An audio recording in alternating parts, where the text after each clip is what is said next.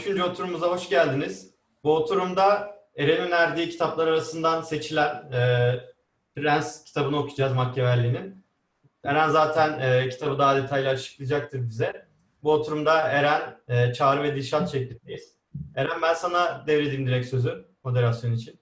Eyvallah Çağrı. Herkese e, merhabalar tekrardan. Şey, bu kitabımızla beraber aslında 13 sayısının uğursuzluğunu ya da söylenen uğursuzluğunu bir kenara bırakarak biz farklı bir iş yapmaya ba- başladık diyeyim. E, Her arkadaş oturumdaki kitap önerecek her arkadaş sırayla 3, 4 ya da 2 tane kitap tavsiye etti ve bunu takipçilerimiz belirledi. Twitter'da yaptığımız anket sonucunda. E, Bu kitabı seçtiğimiz ankette Deliliğe Övgü vardı Erasmus'tan 11 oy aldı. Machiavelli'nin Prensi yani okuyacağımız kitap 16 oyla seçildi. Platon'un Devleti 5 oyla kaldı ve e, Kierkegaard'ın ironi kavramı da 7 oyda kaldı. Dolayısıyla izleyicilerimiz, takipçilerimiz e, epey güzel bir oylamayla bu kitabı seçmiş bulundu. Oy veren herkese teşekkür ediyoruz. Bundan iki sonraki oturumumuzun oylaması şu anda devam ediyor. Ömer'in önerdiği kitaplar. O oylamaya da herkesi bekliyoruz. Bir sonraki oturumda okuyacağımız kitap da yine oylama usulüyle Dilşat'ın önerdiği kitaplar arasından seçildi.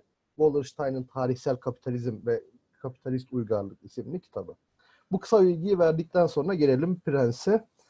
Bu oturum benim e, özellikle ilgimi çekiyor çünkü ilk defa bu kadar eski bir kitap okuyoruz bildiğim kadarıyla. Yani yok değil mi beyler daha önce bu kadar tarihte geçmişe gittiğimiz bir kitap.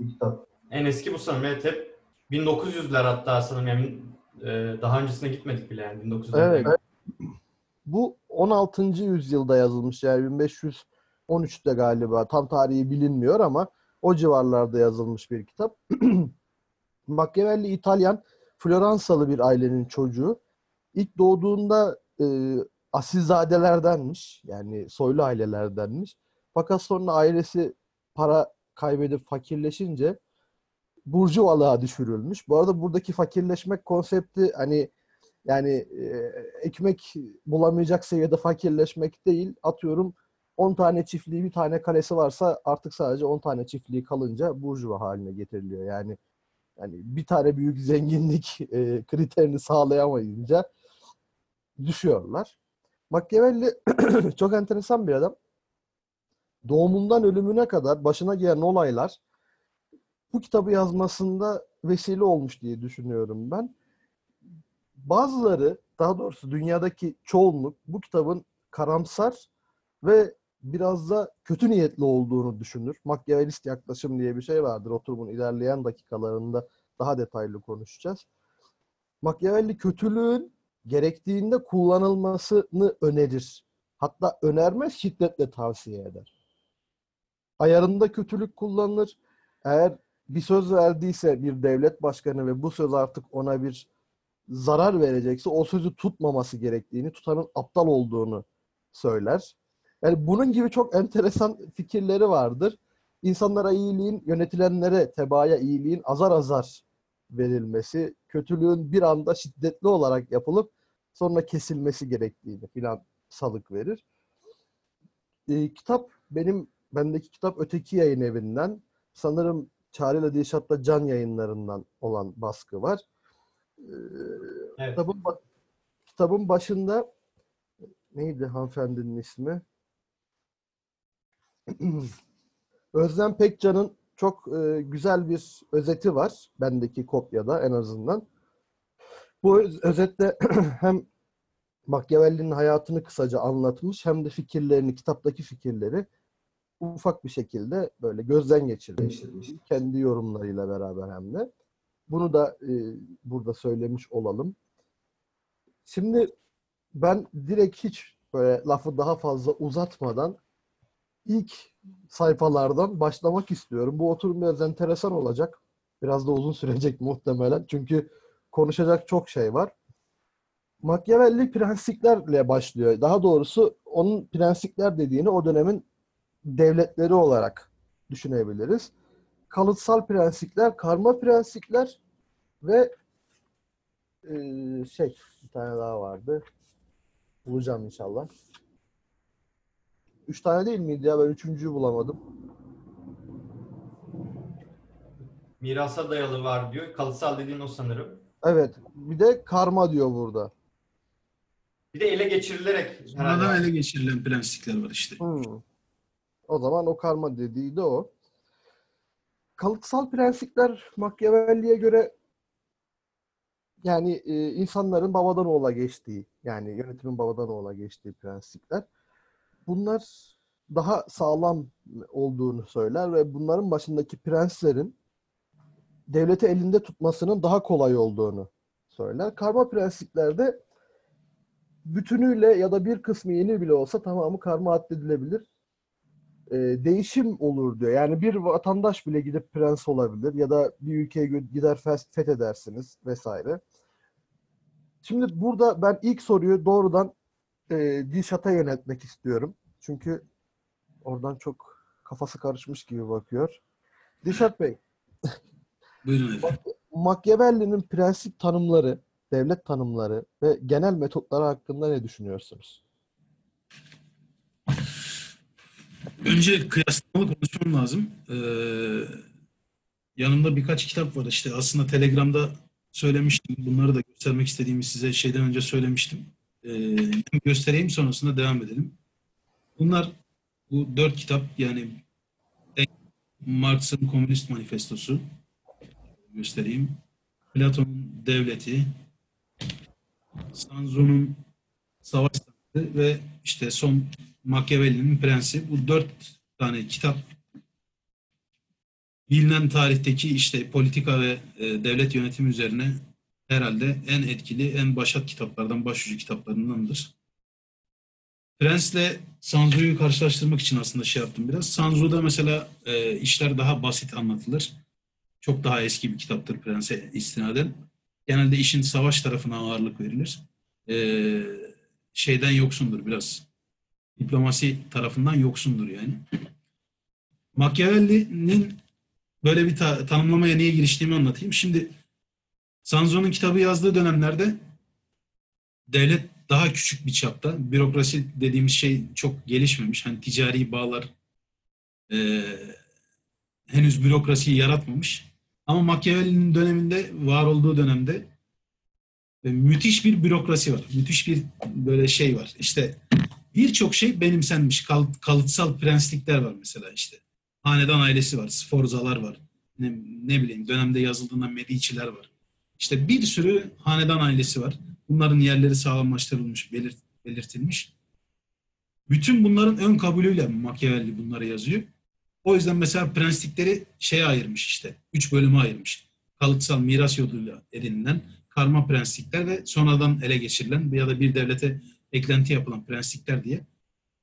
Machiavelli'nin kitabını bence özellikle prensipler tanımlamasını şöyle okumak lazım. Yani ben öyle kafamda tanımladım. Belirli ön kabulleri olan devlet geleneğine yani e, batılı Avrupa'yı devlet geleneğine haiz olunan bir kafadan okunması lazım. Dışarıdan atıyorum Asya Asyatik bir gelenekten bakıldığında Machiavelli'nin söyledikleri biraz zırvalık olarak kalabilir. Mesela işte aynı dönemin hemen 100 yıl öncesinde yaşamış Machiavelli 1469'da doğuyor. Bu kitap sanırım 1527'de yazılıp 1532'de de ilk basımı yapılıyor.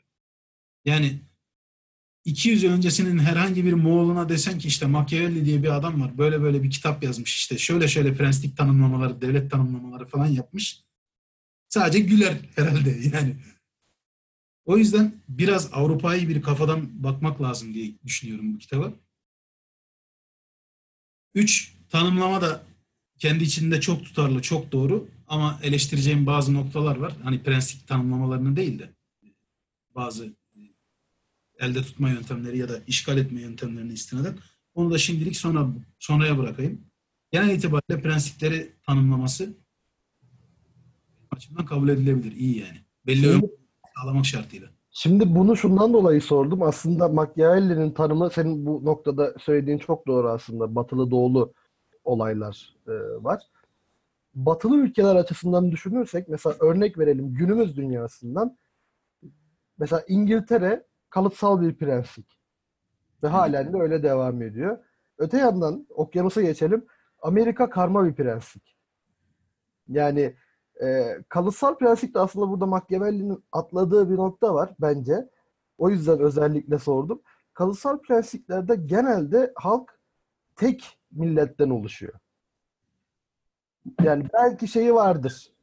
Belki istisnası vardır mutlaka da genelde %99 diyeyim. Tek milletten oluştuğu için daha bütünleşik devam edebiliyor. Ya da tek bir e, hedefe yönelik bir fraksiyondan diyeyim. Fakat Amerika Birleşik Devletleri'ni düşünelim günümüzde. Yani hani kim olduklarını kendileri bile bilmiyorlar. Ya 200 yıl öncesine gittiğiniz zaman işte İrlandalı mı, Meksikalı mı, bilmem Aztek mi ya bilemiyorlar. Öyle söyleyeyim.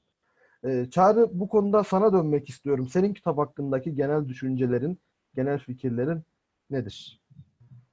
Tabii teşekkür ederim ben. Ee, ben de Dişat'ın dediğine yani benzer şekilde düşündüm. Zaten kitap da hani şey gibi mesela sonunda şey diye bitiyor. Hani İtalya nasıl birleşir, nasıl bir kendi içinden bir lider çıkarır falan diye bitiyor. Yani adam zaten bundan hani biraz e, dertlenerek yola çıkmış. Yani İtalya'nın bölünmüşlüğü, bir sürü küçük prenslik devletlere, devletçiklere bölünmüşlüğü, kendi aralarında oyalanmaları ama dışarıdan bir düşman geldiğinde darmadağın olmaları. Hani bunlar hep etkilemiş. Ee, zaten hani hayatı da bu e, prenslikler arasında gidip gelmekle işte e, dış ülkelere de Fransa gibi ülkelere de gidip gelmekle yani bürokrasiyle geçmiş bir insan. O yüzden de yani burada kitaptaki içgörüler e, bence gerçekten yani o dönemin e, Avrupa'sını ve özellikle İtalya ve İspanya hani o bölgeyi Akdeniz ülkelerini çok güzel aktarmış. E, yani dünya geneline hitap etme gibi bir derdi de yok bence. Mesela Çin'den hiç bahsetmiyor bile. Moğollardan hiç bahsetmiyor.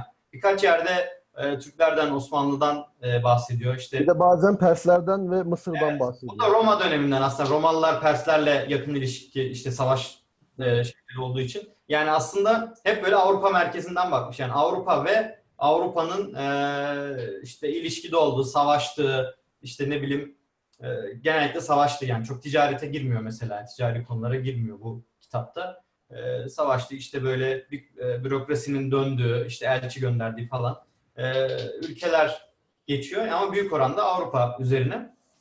E, zaten ya o dönemin e, şeyini bence ama çok güzel aktarmış e, bürokratik dinamiklerini, halkın dinamiklerini. Yani o mesela e, halkı nasıl hem korkutur hem sevdirirsin kendini işte e, gibi yerlerde böyle çok acayip cümleleri var. Hani böyle bir tanesini hatta Instagram'dan paylaştım böyle bir bir paragrafını.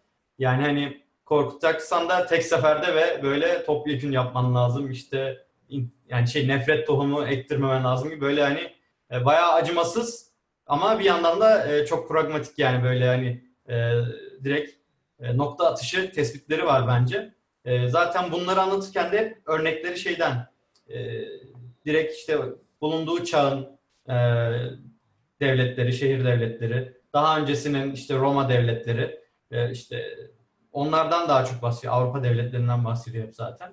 E, ve onlardan böyle bayağı güzel örnekler sunuyor yani ve e, o dönemde bayağı böyle kilisenin ağırlığının olduğu bir dönemde bunu yazmış olması da bayağı bir cesurca bir e, atılım. Yani arada tabii çok şey yapamıyor böyle papalığa falan çok laf edemiyor ama bazı papalara bayağı giydiriyor yani. İşte bu papa çok açgözlüydü, şöyle yapardı, böyle yapardı. Oğluna işte şey yaptırmak için 6. Alexander'dı sanırım. Oğlunu böyle güçlendirmek için şöyle yaptı, böyle yaptı. Yani böyle bayağı öyle e, patır patır yazmış. Zaten sonradan da bu kitap kilise tarafından yasaklanan kitaplar listesine girmiş. Yani kötü de biraz oradan geliyor bence. Yani birçok insanı rahatsız etmiş belli ki burada yazdıkları. Ee, ama hani niyeti böyle gerçekçi bir bakış açısıyla e, hani bu devlet yönetimi nasıl olur? Nasıl iyi yönetici olunur? Bunu anlatmış bence yani. O açıdan ben kitabı beğendim aslında. Ama tabii içindeki acımasızlık dolu bölümlere işte mesela kadınsılık falan çok aşağı görülen bir şey falan. Hani böyle e, günümüz şartlarında baktığında bu ne yani? İğrenç pislik bir insanmış diyorsun ama bir yandan da şöyle bir şey var. E, çok çok daha zaten kötü e, işte insanlara muamelelerin olduğu, işte kötü yöneticilerin halkları e, çok daha kötü sonuçlara yönlendirdiği bir dönemde bunu yazmış olması yine ben o dönem için iyi bir şey olarak düşündüm yani. Ama tabii bu kitabı mesela e, benim okuduğum bu can yayınlarında da benzer şekilde çevirmen Kemal Atakay'ın bir girişi var. Bayağı güzel anlatmış. E, orada bir şey vardı mesela kim diyordu hatırlamıyorum da Chomsky mi birisi mi? Gangsterlerin başucu kitabı yani. Çünkü hakikaten bundan iyi gangster olursun yani. Böyle mafya babası olursun bunu okursan. Çünkü o şeye organizasyon yapısına benziyor yani. Hani farklı mafyalar var. Hani ve çoğu bunların yasa dışı işler de yapıyor falan. Hani böyle verdiği sözü tutmuyor. İşte sırtından bıçaklıyor. Burada mesela öyle örnekler de çok var yani. Hani işte dostu gibi davranıp yanına çağırıp sonra tüm sülalesini katlettirdi falan, boğdurdu. Ay, bir de onu anlatıyor, şeyler. onu anlatıyor. Ondan sonra ne de güzel yaptı değil mi? Filan Evet ya çok güzel temizledi. Önünü açtı böyle sonra bir şekilde ilerledi diyor. Ama orada bir sülaleyi yok etmiş falan. Hanedanı böyle yok etmiş falan yani. Hani bunu yani böyle bayağı şey e, uzaylı gibi mi diyeyim yani duygusuz bir insan gibi yaz- yazmış yani. Bak benim o çok hoşuma gitti abi. Yani adam kitap boyunca şey sanki hepimize yukarıdan bakıyor. Biz bir karınca kolonisiyiz de yani bir duyguyu katmadan mesela şey diyor işte ya e, halk kadınlar gibidir. Sözünü dinlemiyorsa hırpalaman gerekir filan diyor yani yani. Evet, Böyle evet. deyince şimdi kadına şiddet yanlısı değilim Machiavelli diyor bunu. Hani kızıyorsanız ona kızın. Ben buna katılmıyorum bu arada. Dişat sesin. Pardon. İtalyanların böyle bir tarzı var. Yani hepimizin sevdiğini biliyorum. Daha önce izlemişsinizdir. The Godfather işte. şey baba Evet. filmi. Aileler bir araya geliyor hatırlarsanız işte. O senin bahsettiğin o katliam olayı Sinigaglia denilen Cesare Borgia'nın yaptığı işte sanırım Milano'nun tamamının soylularını bir yere çağırıp yemek böyle e, ne derler hani amiyane tabirle konuşacağım burada kusura bakmasın dinleyiciler. E, böyle tırışkadan bir mevzu çıkarıp işte daha sakin bir yerde konuşalım deyip yere götürüp sonra da askerlerini oklattırıyor, öldürüyor. Sinigaglia denilen olay. İşte bunun aynısı mesela şeyde var. E, Baba filminde var.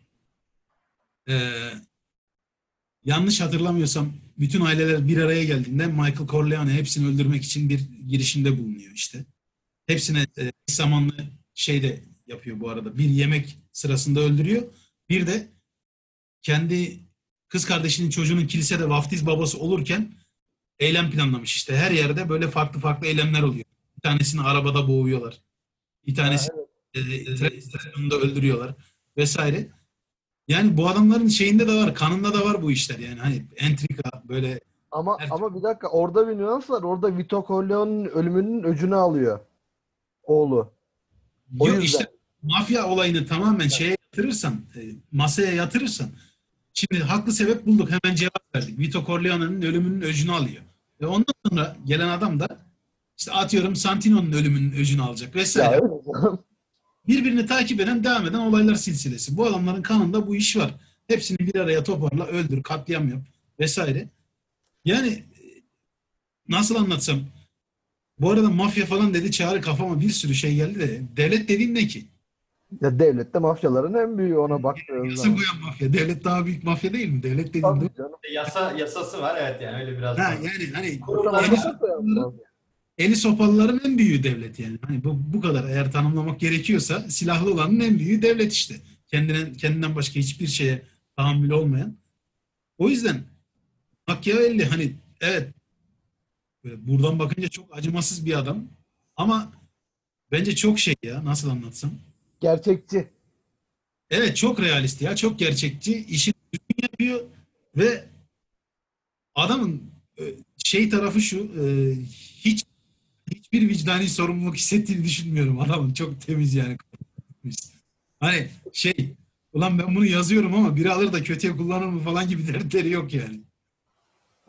Zaten kötüye Ama şey- kullanılsın diye yazıyor. Tam aksine iyilik yaptığını düşünüyor bence. Yani Aynen. böyle bak size nasıl e, hükümdar olunur, nasıl yönetici, hani bir, bir devlet, bir halk nasıl yönetilir onu anlatıyor. Şey değil mi ya böyle Machiavelli'nin üzerinden İtalyan kimliğini falan çıkart. Hani o salt haliyle düşüncelerini aynı şey yap. İtalyan kimliğini, Hristiyan kimliğini çıkart koy. İşte üzerine ne bileyim Ali diye bir isim bina et. Ondan sonra düşünceleri o devletçi düşünce, devletin kutsallığı, devletin gerekliliği falan filan çok bize benzer mevzular değil mi ya? Ya çok muha- aşırı muhafazakar, böyle devlet her şeyden üstündür. Devleti korumak için her şey yapılmalıdır. Her yola başvurulmalıdır. Her yol mübahtır. Çok yani böyle bizden hikayelere benzemiyor mu? Kimliklerini çıkart yani. İtalyan ve işte Hristiyan kimliğini çıkart. Çok yani onu söylemeye çalıştım. Evet yani o zaten İtalyanlarla Türklerin benzerliği aslında hep söylenir. Ee, bizim İtalyanlardan İtalyanlardan herhalde tek artı noktamız biraz daha iyi asker olmamız. Yani daha e, hızlı, daha böyle efektif bir şekilde birleşerek hareket edebilmemiz. Yani Türkler bununla biraz da meşhurdur. İşte orduyu yek vücut haline getirmeyle falan. Bir de İtalyanlar kadar kendi aramızda e, çekişmemişiz. Çekişmişiz ama İtalyanlar kadar değil. Hani beylikler dönemleri falan. Belki o kadar üretim fazlamız olmamıştır. Belki o kadar kültür falan yaratamamışızdır. Olsaydı Yok, o- ürün fazlası, işte para fazlalığı, kültür Ha, fazlalığı. işte o kadar Yani- zengin değildik. Ondan paylaşacak o kadar mal yok yani. Yani öyle hiç şeyleri. Şimdi Floransa bu arada birazcık açma O- ben de ona girecektim. Floransa ve Medici'lere girecektim de. bu Fransa, Milano yani kitapta bolca isimleri geçen İtalyan şehirleri bunlar e, 4-5 farklı şehir var öyle söyleyeyim yani. İşte Venedik, Floransa, Milano, Roma bunlar aynı zamanda bölgeler. Hükmettikleri ciddi bölgeler var. Bir kere bunlarda çok ciddi kültür birikimi var. İkincisi bunlarda çok ciddi üretim fazlası var. Yani bu adamlar tacir. Hem de iyi tacirler böyle tacir dediğimizde işte korsana kayan tacir böyle azılı hırsıza ya da azılı suçluya kayan tacir öyle değil. İyi donanmaları var. Mesela Venedik donanması çok meşhur. Bizle işte kaç tane Osmanlı ile problem yaşadığını söylemeyeyim bile. Hani Cenevizliler var. Yakında İsviçreliler var. Helvet, Helvetler işte paralı askerler. Papalık bunları kullanmayı çok sever. Ek bir bilgi olarak vereyim. Hala Vatikan ordusu İsviçreli muhafızlardan oluşur. Helvetlerden oluşur. Hatta onlar adına bir yaralı asker aslan anıtı var. İşte kayaya oyulmuş bir aslan böyle yatar. Helveticum diye yazar böyle. Helvet ismi de şeyden gelir. Romalıların dönemde bölgeye verdikleri isimden gelir. Ee, yani burada ciddi bir kültür birikimi ve üretim fazlası var. Ve Machiavelli'nin döneminde Chomsky ile benzer, medya denetimiyle benzer bir şekilde sanki hepimiz her şeyi biliyormuşuz gibi anlatıyor. Yani aslında Lorenzo de Medici'ye ithaf ediyor kitabı. O bildiği için çok rahat anlatıyor. Ekstra bilgi vermiyor ama dışarıdan birisi tarafından okunduğunda ekstra ekstra üzerine çalışman gerekiyor. Yani en azından bir İtalya haritası açıp bakman gerekiyor. İşte Romagna bölgesi neresi, Floransa neresi, Toskana neresi. İşte bu adam nereden bahsediyor? Şimdi kitapta sadece bir satır ya da Floransa, Milano vesaire aralarındaki, aralarındaki kilometre belki bin. Yani Napoli ile işte Roma bölgesi arasında bin kilometre var belki. Hani çok uzun mesafeler, çok farklı kültürler. O yüzden e, içeriden, yani dışarıdan bizim gibi insanlar okuduğunda ekstra ekstra bir sürü bilgi yüklemesi yapmamız gerekiyor. E, biraz anlaşılması zor bir kitap. Aynı zamanda da kültür birikiminden dolayı da işte orada bir sürü mevzu vuku bulmuş. Yani her e, şehir kendi devletlerine ayrılmış. Bizde olsaydı aynısı ne olurdu bilemiyorum. Buradan sana devredeyim Eren. Daha böyle şeyli gidelim. Ondan atlamayalım. Şimdi e, Medici'ler konusunda ben o zaman biraz bilgi vereyim. Medici'ler İtalya'nın en zengin ve en köklü ailelerinden bir tanesi. Floransa'nın sahipleri aslında. Yani bunu hiç uzatmaya ya da kıvırmaya gerek yok. Çok uzun yıl- yıllar boyunca Floransa'da yönet yönetimi ellerinde tutmuşlar. Kitapta da bahsediliyor zaten. İşte Medici'ler e, bazı zamanlarda şehirden kovuldukları bile oluyor. Ama geri geliyorlar yine yönetmeye devam ediyorlar. Bu uzun yıllar boyunca tekerrür ediyor, devam ediyor. Medici'ler çok güzel sanat eserleri kazandırıyorlar. E, Ve Rönesans'ın başlamasına en büyük yani yardımcı olan ailelerden bir tanesi. Sanatı sanatçıyı çok seviyorlar. Çocuklarını da yani kendi yeni nesil Medici'leri de buna göre yetiştiriyorlar. Yani sanata, sanatçıya her zaman destek ver diye. Zaten Floransa'ya giden arkadaşlar varsa, İtalya'ya giden arkadaşlar varsa tüm Floransa kentinin neredeyse Medici'lerin eserleriyle dolu olduğunu. O mesela bir tane büyük bir şeyleri var. Katedral demeyeyim de bir kiliseleri var. Bir, onun meşhur bir kubbesi vardır. O Doğum kubbenin muydu? efendim Doğum muydu? Ha Domo bilmem ne ama hatırlamıyorum şimdi. Yani o e, dünyanın en büyük kubbesiydi çok uzun yıllar boyunca ve o ça- çağda nasıl inşa edildiği filan e, çok böyle iyi bir test konusu olarak hala da devam ediliyor, kullanılıyor bildiğim kadarıyla. Onun da çok enteresan bir hikayesi var. Yani Medici'ler Floransa mesela Milan'la savaş halinde muhtemelen bu kitapta bahsedilen savaşlardan bir tanesi. Yenişemiyorlar. İşte fakirlik başlıyor ve Lorenzo Medici değil de ondan önceki galiba hatırlamıyorum. En büyük Medici olarak görülen adam. Şey yapıyor. O şeyin kilisenin kubbesi yapılmamış o zamana kadar. Yapacak adam bulamıyorlar ve savaş döneminde diyor ki ben bunu yaptıracağım. Herkes ayağa kalkıyor. Sen savaş döneminde bunu nasıl yaptırırsın? Zaten para yok. O da diyor ki oğlum embesiller açıklıyor tane tane. Ben şimdi bunu yaptırmaya başlayacağım. Mesela diyor 500 kişi çalışacak bu kubbede. Tamam ben buna bunların parasını vereceğim bu işçilerin ama ticaret hareketlenecek. Şehirde para akışı olmaya başlayacak. Ve diyor nasıl olsa vergiyi ben topluyorum. O para bana geri dönecek en nihayetinde. Yani böyle e, enteresan insanlar Medici'ler. Bu kitabın yazılma sebebine geleyim bir de. Onu da atlamayalım.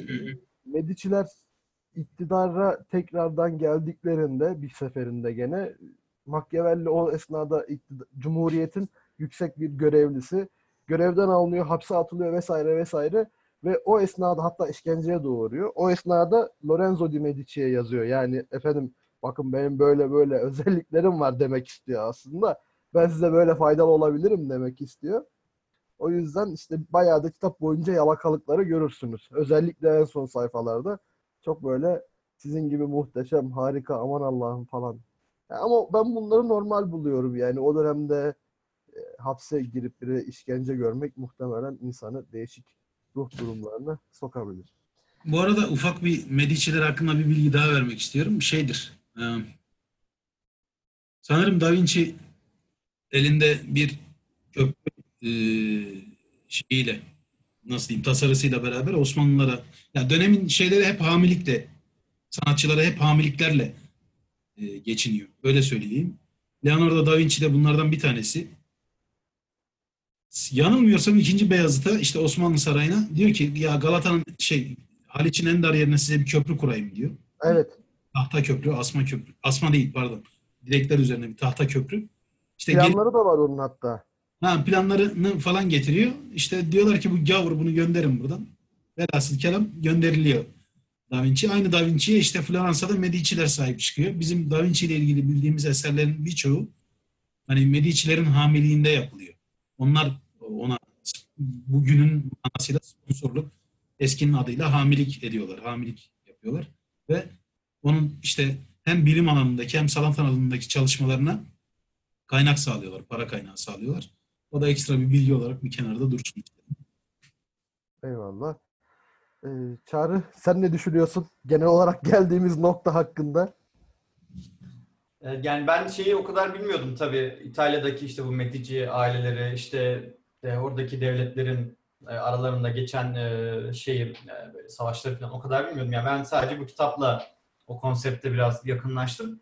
Yani çok şey hissetmedim ben açıkçası. Hani çok o kadar eksik de hissetmedim şey konusunda, yazdıkları konusunda ama tabii belli bir yerden bakarak yazdı belli. Mesela ekonomiye hiç dokunmaması bence şeyden Dişat'ın bahsettiği durumdan para dertleri yok yani belli ki yani. Çünkü adam diyor işte senin kalem varsa bir yıllık kalenin içinde gıda erzan varsa hani falan diyor. İşte şehrinin etrafında tarım var. Hani Türkiye mesela yani bizim Anadolu topraklarında falan öyle bir dünya yok yani. Kale yapayım da zengin bir yıllık eş- O yok yani öyle bir şey. Avrupa'da olabiliyor belki ama e, zaten şeyde de hani Türklerden bahsederken de şeyinden bahsediyor yani fetih üzerine kurulu olduğunu biraz daha hani fetih sonrası oradan ganimet dağıtıp oraya şey gönderip e, halkın bir kısmını gönderip o şekilde orada hakimiyet sağlaması. Hani o karma sonradan fethedilen prensliklerle ilgili mesela öyle bir tavsiyesi de vardı. Hani gittiğin zaman ya oraya direkt yerleşmen lazım senin yönetici olarak ya da hani senin uyruğundan işte bir kitleyi gönderip kolonileştirmen lazım hani. E, diğer türlü e, problemler böyle iyice kangren haline gelmeden haberin olmaz falan gibi çok orada hani e, bence önemli şeyleri de var. E, ön- önerileri de var. Yani yöneticilere yönelik olarak. Yani oradaki tabii bir sıkışmışlık da var bence yani şey böyle çok fetih kolay olan bir yer değil. Bir, bir biri geliyor bir diğeri geliyor. Hani çünkü o kadar çok güç var ki. Atıyorum bir Fransa geliyor alttan İspanya ittiriyor onu. İşte soldan Venedik geliyor. Hani sürekli bir sürü güçlü devlet birbirlerine böyle şey e, birbirleri üzerine hakimiyet kurmaya çalışıyor. Papalık var o farklı bir hani şeyle e, yerden insanların e, desteğini alıyor. Hani dini boyuttan. Hani o yüzden orada acayip bir denge var. O yüzden yani o, o dönem şartları için yazdıkları bana gayet makul geldi. Hatta böyle okurken arada şeyleri falan düşündüm. Mesela işte benim e, şimdi kaç 8 senedir bir sürü şirkette çalıştım, bir sürü devlet kurumunda çalıştım. işte büyük, küçük.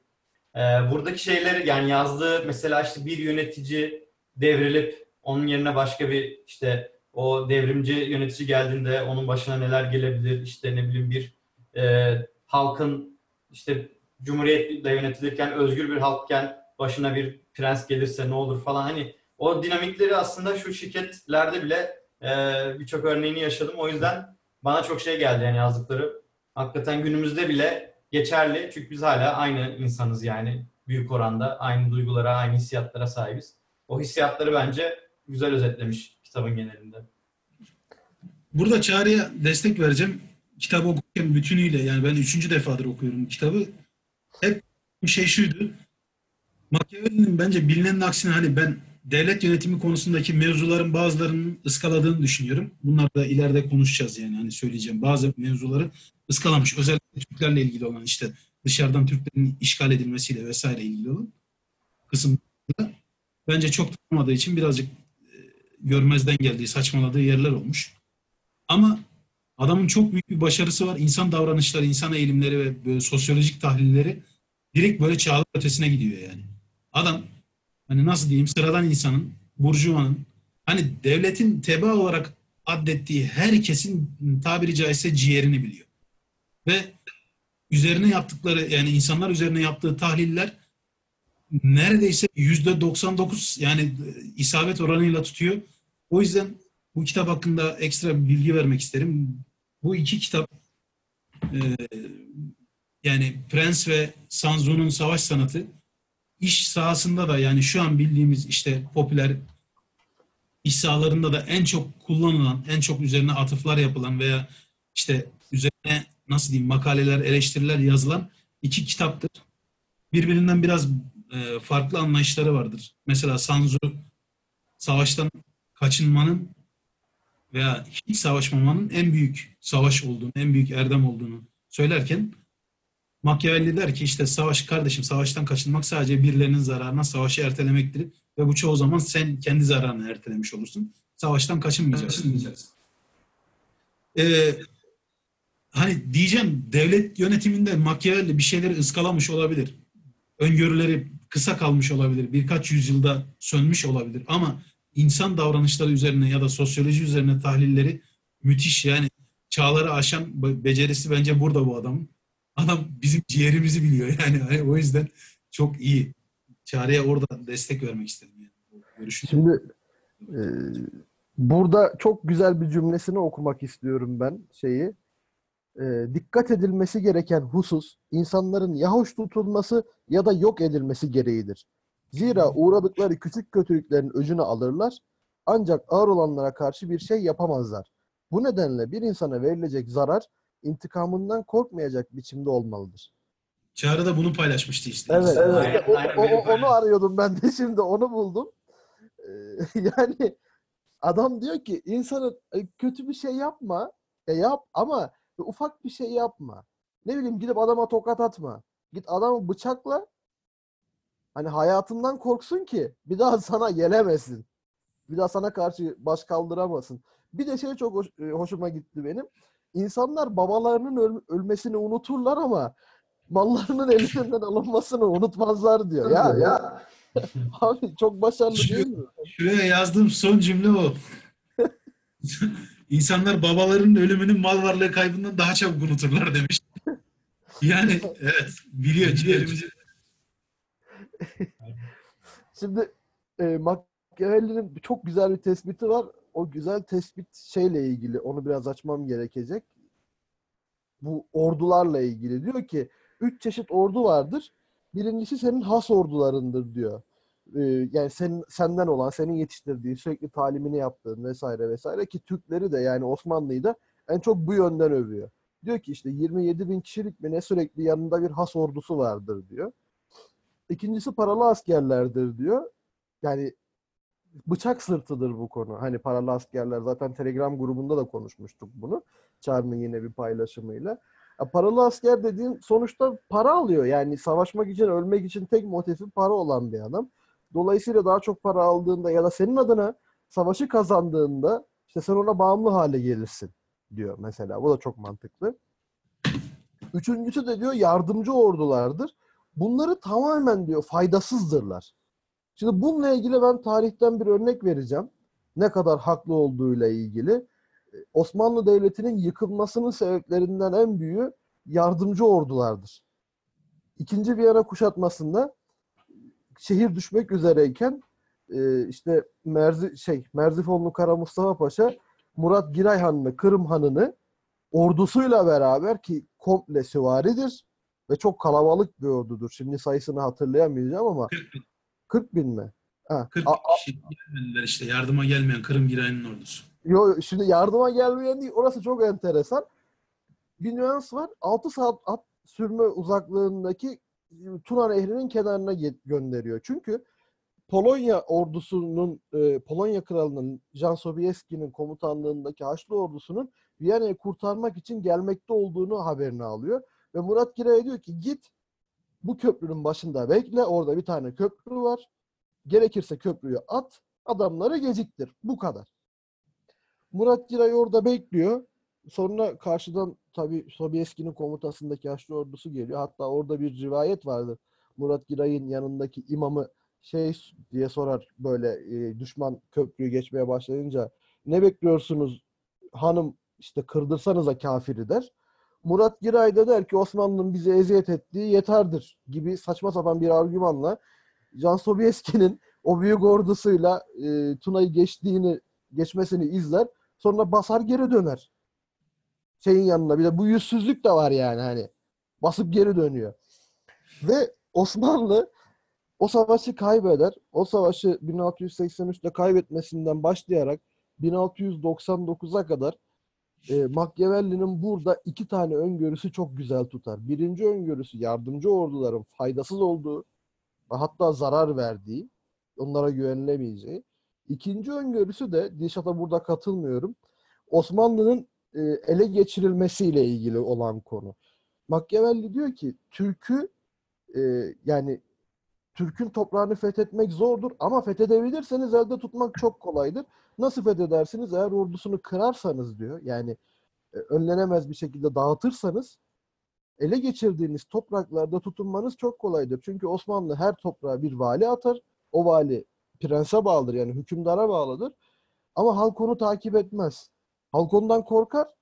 Fakat zor bir durumda onu takip etmez. İtalya'dakinin aksine yani böyle ufak ufak hanedanlıkların olduğu Fransa'daki gibi baronların olduğunun aksine. Bu iki öngörü çok güzel tutuyor. Osmanlı işte bir yardımcı ordular faydasız. iki Osmanlı'nın ordusunu dağıtırsan topraklarını çok güzel elinde tutabilirsin ki öyle de oluyor. Elden çıkan topraklar bir daha Osmanlı'ya dönmüyor. Hatta oradaki kimse itiraz da etmiyor. Yani ya biz Osmanlı idaresinde mutluyduk. İşte efendim biz geri dönmek istiyoruz falan filan gibi ben tarihte böyle Türklerin ana yerleşkeleri hakkında söylemiştim ben. Benim söylediğim daha farklı bir durum. Yani Evet. Türklerden işgal edilirler. Evet edilmez değiller. Savaş kaybederler. Evet kaybetmez değiller. Ama kendi padişahlarının valisini bile çok da hani takip etmeyen, çok da tabiri caizse yine amiyane tabirle konuşacağım kusura bakmayın. Sallamayan adamlar dışarıdan hele hele de üzerinde gavur etiketi taşıyan bir adamı asla ve asla yönetici olarak kabul etmezler. Beklerler bu 50 yıl olabilir, 60 yıl olabilir, 100 yıl olabilir. Bu arada haklılardır demiyorum. Türklerin genel olarak şeyinden bahsediyorum. Türkler dışarıdan gelen işgalciyi işgalci olarak görürler. Bir vücuttaki yabancı bir virüs gibi. Ve o virüs er ya da geç atılır. Hiçbir zaman şeyin eşleniği olmaz. Vücudun eşleniği olmaz. O yüzden diyorum. Yani Türkleri hele de özellikle sonrasında Müslüman kimliklerini edindikten sonra bir işte ırkın dışarıdan gelen bir e, nasıl diyeyim hani düşmanın yenip ardından kendini orada kabul ettirmesi ve asimile ettirmesi, onları asimile etmesi neredeyse imkansıza yakınsar. Çünkü her zaman standart ana kütle yani şey e, Türklerin ana kitlesi onu hep işgalci ve virüs olarak görecektir. Ben bundan bahsettim. Bence zaten yanıldığı noktada burası. Evet birçok yeri ellerinden alabilirsiniz. Hatta 50 yıl, 60 yıl, 100 yıl boyunca tabi tutabilirsiniz. Ama sizi yine de işgalci ve vücut dışından bir şey olarak görmeye devam edeceklerdir. Ve ilk fırsatta sizi atarlar. Birinin arkasında birleşirler. Bilmiyorum onun kim olduğunu. Hele hele zaten Machiavelli'nin dediğine uymaz. Hanedan ailesinin tamamını katletmezseniz direkt sizi içlerinden atarlar. Yani o hanedandan birinin arkasında birleşip atarlar. Ben buraya şey yapmıştım. Yani bir Hristiyanın bir Türk devletini idare etmesi, onları asimile etmesi neredeyse imkansıza yakındır. Çünkü yani kendilerine sonradan edindikleri dini kimlik itibariyle de asimile olmazlar. E, edemezsin yani. Seni hep yabancı işgalci olarak görürler. Ama işte Floransalı Milano'yu işgal ettiğinde uzunca bir süre yabancı veya işgalci gibi görünebilir ama sonrasında biter, asimile olur yani tamamen. İşte Floransa, Milano Ama bunu da söylüyor ki Machiavelli eğer kültürler benzerse, diller aynıysa vesaire işgal eden devlet daha rahattır bu konuda. Çünkü hani aynı zaten. Ama, Ama diğer işte- diğer diyor yani. Yani bizde, mesela- bizde zor. Timur Osmanlı Devleti'ni ele geçirmiş olsaydı mesela örnek Hiçbir sıkıntı olmazdı. O zaman yönetirdi değil mi? Müslüman. Yönetirdi. Hiçbir sıkıntı Ve olmazdı. aynısının yaşanması Çünkü üzerinde Müslüman kimliği var. O yüzden katılmıyorum dediğim noktayı böyle Ha. iyice yapmak istediğim buraydı aslında. şöyle zaten bunun yaşanmışı var. Osmanlı Memlü'yü işgal ediyor komple. Benzer, evet. Ve yüzlerce yılda yönetiyor yani. Hani Evet, kimse kalkıp yani- aga bu nedir demiyor. Ama Avrupa'yı hemen kaybediyoruz mesela hani şey Osmanlı. Ya bak orada orada farklı işler çalışıyor. Mesela biz Arapları yönettiğimizde Araplar mesela kendilerini üstün görüyorlar. Biz de onlara kavmi Necip diye bir ayrı bir etiket atfediyoruz. Yani şey işte peygamber kavmi, kavmi Necip ee, iyi kavim, temiz kavim anlamında. Onların mesela bizle şeyleri tamamen ayrı. Ee, mesela Enderun'da yükselme olayları işte Enderun'da bir sürü yere bir sürü yerden insan gelir, eğitim alır. Sonrasında vezirliğe, sadrazamlığa kadar. Araplar hem Enderun'a kabul edilmezler, getirilmezler. Ee, kendilerini biraz üstün vesaire herhangi bir problem çıkartabileceklerinden dolayı bunlar tabii konuşulmayan çok gerçekler. Hem de onlar da gelmek istemezler zaten. Yani biraz otonom bir yönetimleri vardır orada. Kendi başlarına buyrukturlar. Tamam bize tabidirler. Bizim istediklerimizi yaparlar. Ordu göndermekle mükelleftirler. Ama bu işte biz peygamber kavmiyiz bilinçlerinden dolayı, kendilerini üstün görmelerinden dolayı ki bunu hemen açıklayayım. Bir sürü insan bilirsiniz işte bu Emevi kafasından dolayı. Evet Emevilerden. Heh, Emevi kafasından dolayı biraz kendi hallerine bırakılmışlardır. Kendilerini üstün görürler. Biz de çok sallamayız. Hani karışmayalım işlerine. Peygamber kavmidir. Orada yaşasınlar. Kendi işlerine baksınlar deriz. Zaten başka bir şey daha söyleyeyim. Tarık bin Ziyad'dan sonra yavaş yavaş geri çekilen Araplar yani Endülüs'ten sonrasında geri çekilen Araplar 1000 1200'lü yıllara kadar siyasi varlık anlamında, devlet varlığı anlamında kendilerini korurlar veya işte varlıklarını sürdürürler. Sonrasında neredeyse yokturlar. Dünya hani siyasi tarihinde millet olarak vardırlar ama Endül- Endülüs biraz daha devam ediyor ama. güçlü güçlü devlet anlamında Güçlü değil. Yok.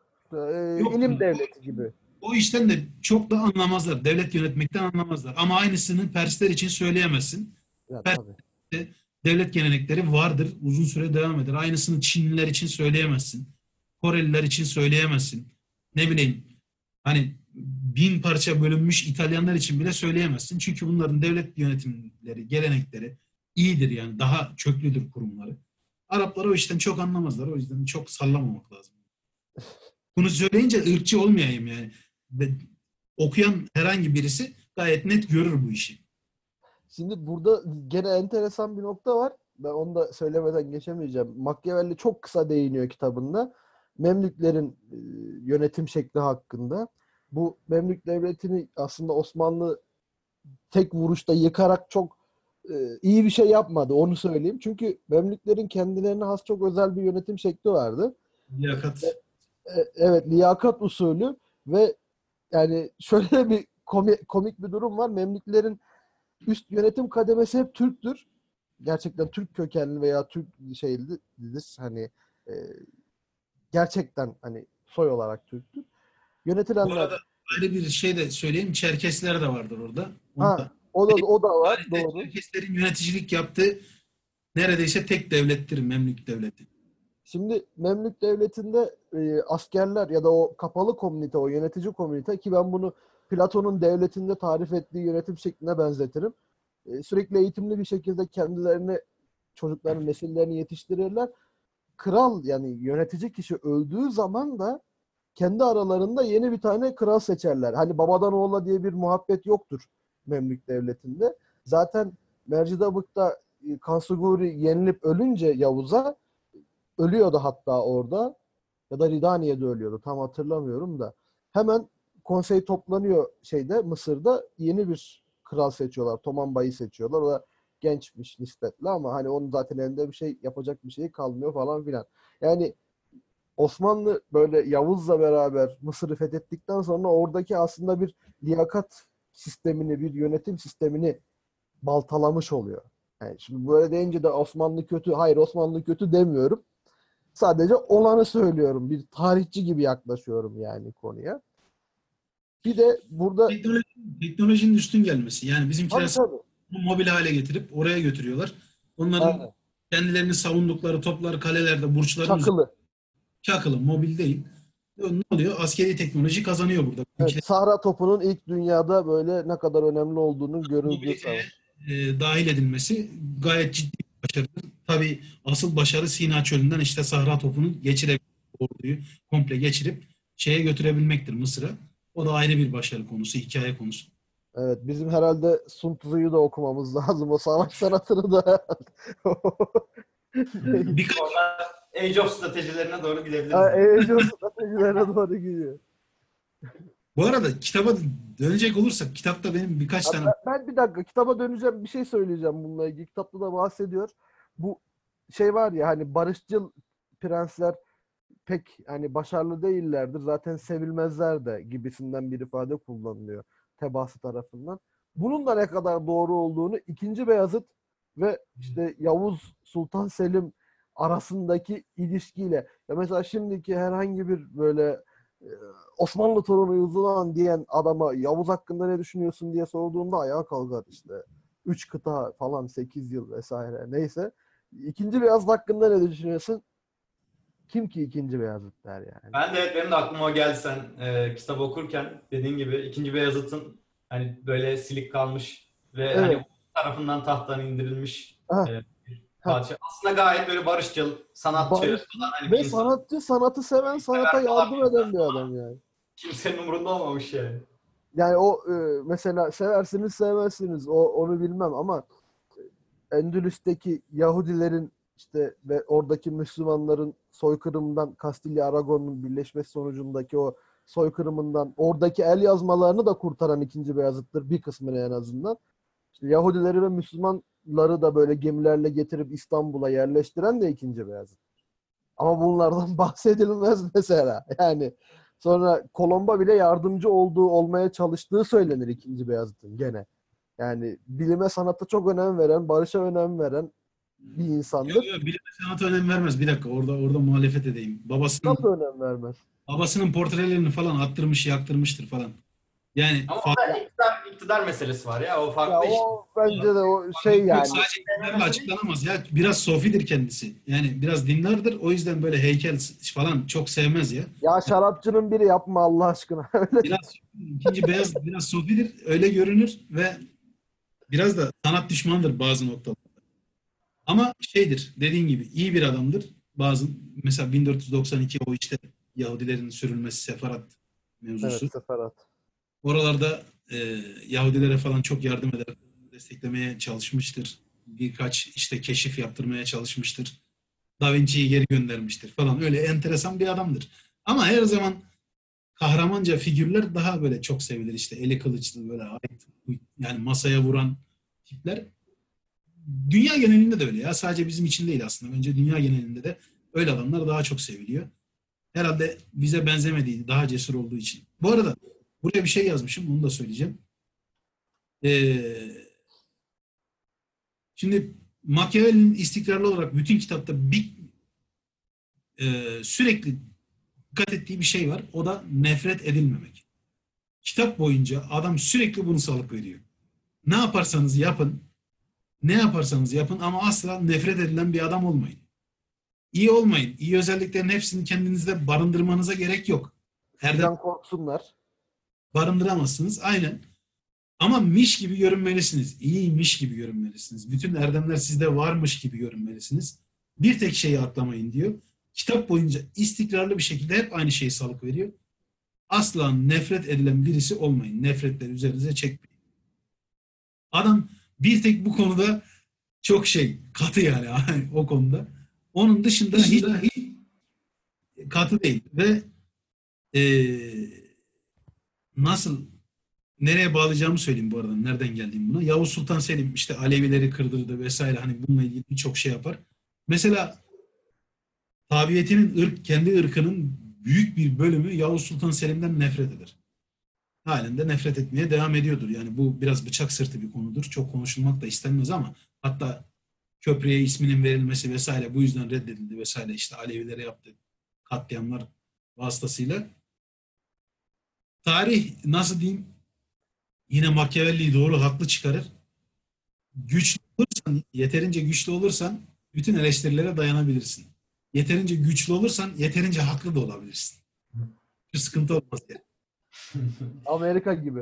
Bir de şey var, e, onu da birçok yerde değiniyor. Yani nefret edilmeme en önemli konu. İkinci konuda küçümsenmeme. Yani Aa, o, o da o da tabii. karar verdiğin zaman peşinden gitmen lazım. O karar seni hani kötü bir yere götürse bile hani çünkü bu senin tutarlı olmazsan küçümsenmeye başlarsın e, ve insanlar seni kale almamaya başlar. Yani yenileceksen bile hani ne taraftaysan tarafını seç öyle savaş falan diyor. Mesela hani tarafsızlık konusunda da öyle bir şey var.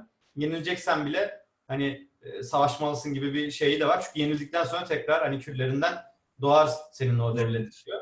E, halkın seni korur diyor. Hani orada da enteresan şeyler var. Bu şey de ben e, hazır araya girmişken e, bir not ekleyeyim. E, Eren sen bahsetmiştin hani daha böyle savaşçı olmayı e, salık veriyor diye. E, kitabın sondan ikinci bölümünde de şu- başlığı şu insan işlerinde talihin gücü nedir ve talihe ka- nasıl karşı koyulabilir? Orada da iki yaklaşımı e, üzerinden deniyor. Hani talih diyor e, birçok şeye sebep olabilir. Hani sizin başarısınız, başarınızı, başarısızlığınızı etkileyebilir. Ama hani özgür iradenin de etkisi var. Yarı yarıya gibidir. Hani talihin bazen daha baskın olduğu durumlar olur diyor. Ama e, talihi yenmek istiyorsan daha atılgan olman lazım. Temkinli olmak talihi hani talihin peşinden sürüklenmen anlamına gelir diyor. O yüzden atılgan olman lazım. ileriyi görmen lazım. Hani böyle bir e, şey var. Gene savaşçılığa benzer şekilde. Orada bir de garip bir yorumu da vardı. E, gene böyle kadınsılığa şey yapan. İşte şey diyor talih hani daha kadınsıdır. Hani e, sen onu yönlendirmen lazım falan gibi bir lafı. Hani böyle ona e, şey davranman lazım. Hani onu ona hükmetmen lazım falan gibi bir e, lafı var. O da e, hani şey olarak ya bence mesela baştan sona okuduğumda kitap genel olarak tutarlı geliyor açıdan. Yani verdiği öğütler baştan sona okunduğunda işte ne bileyim danışmanlarla ilgili bölümler var. Birçok farklı yerlere dokunmuş.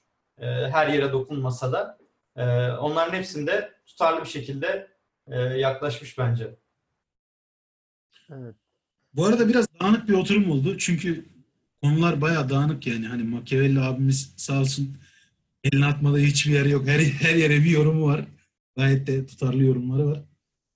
Benim aklımda üç yer daha var bahsetmek istediğim. Eğer bir şey söylemeyeceksen Eren sen sanki bir şey söyleyecek gibiydin.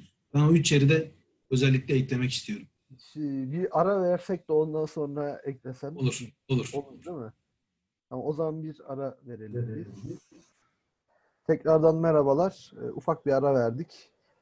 Ve şimdi Dilşat'ın bahsedeceği üç konu vardı. O konularla devam ediyoruz. Dilşat sendeyiz.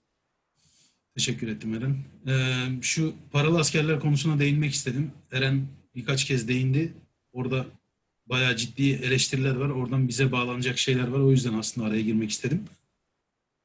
Bir de e, bu arada Machiavelli genel olarak kitabın temel, tamamında iyi bir prensin kendi öz kaynaklarına güvenmesi gerektiğini bastıra bastıra üzerine hani bastıra bastıra söylüyor. Kendi öz kaynaklarına hem ekonomik anlamda hem askeri anlamda yardımcı or- ordulardan, yardımcı ordular ve paralı askerlerden oluşan karma ordulardan, bir başkasının ordusundan yani ödünç alınan her şeyden bu adam istisnasız nefret ediyor, hoşlanmıyor ve güvenilmez buluyor. Yani diyor ki prens sen kardeşim kendi öz ordularına bel bağlamak zorundasın, kendi öz ordularına güvenmek zorundasın, yoksa oluşturmak zorundasın, yoksa kendini savunamazsın diyor.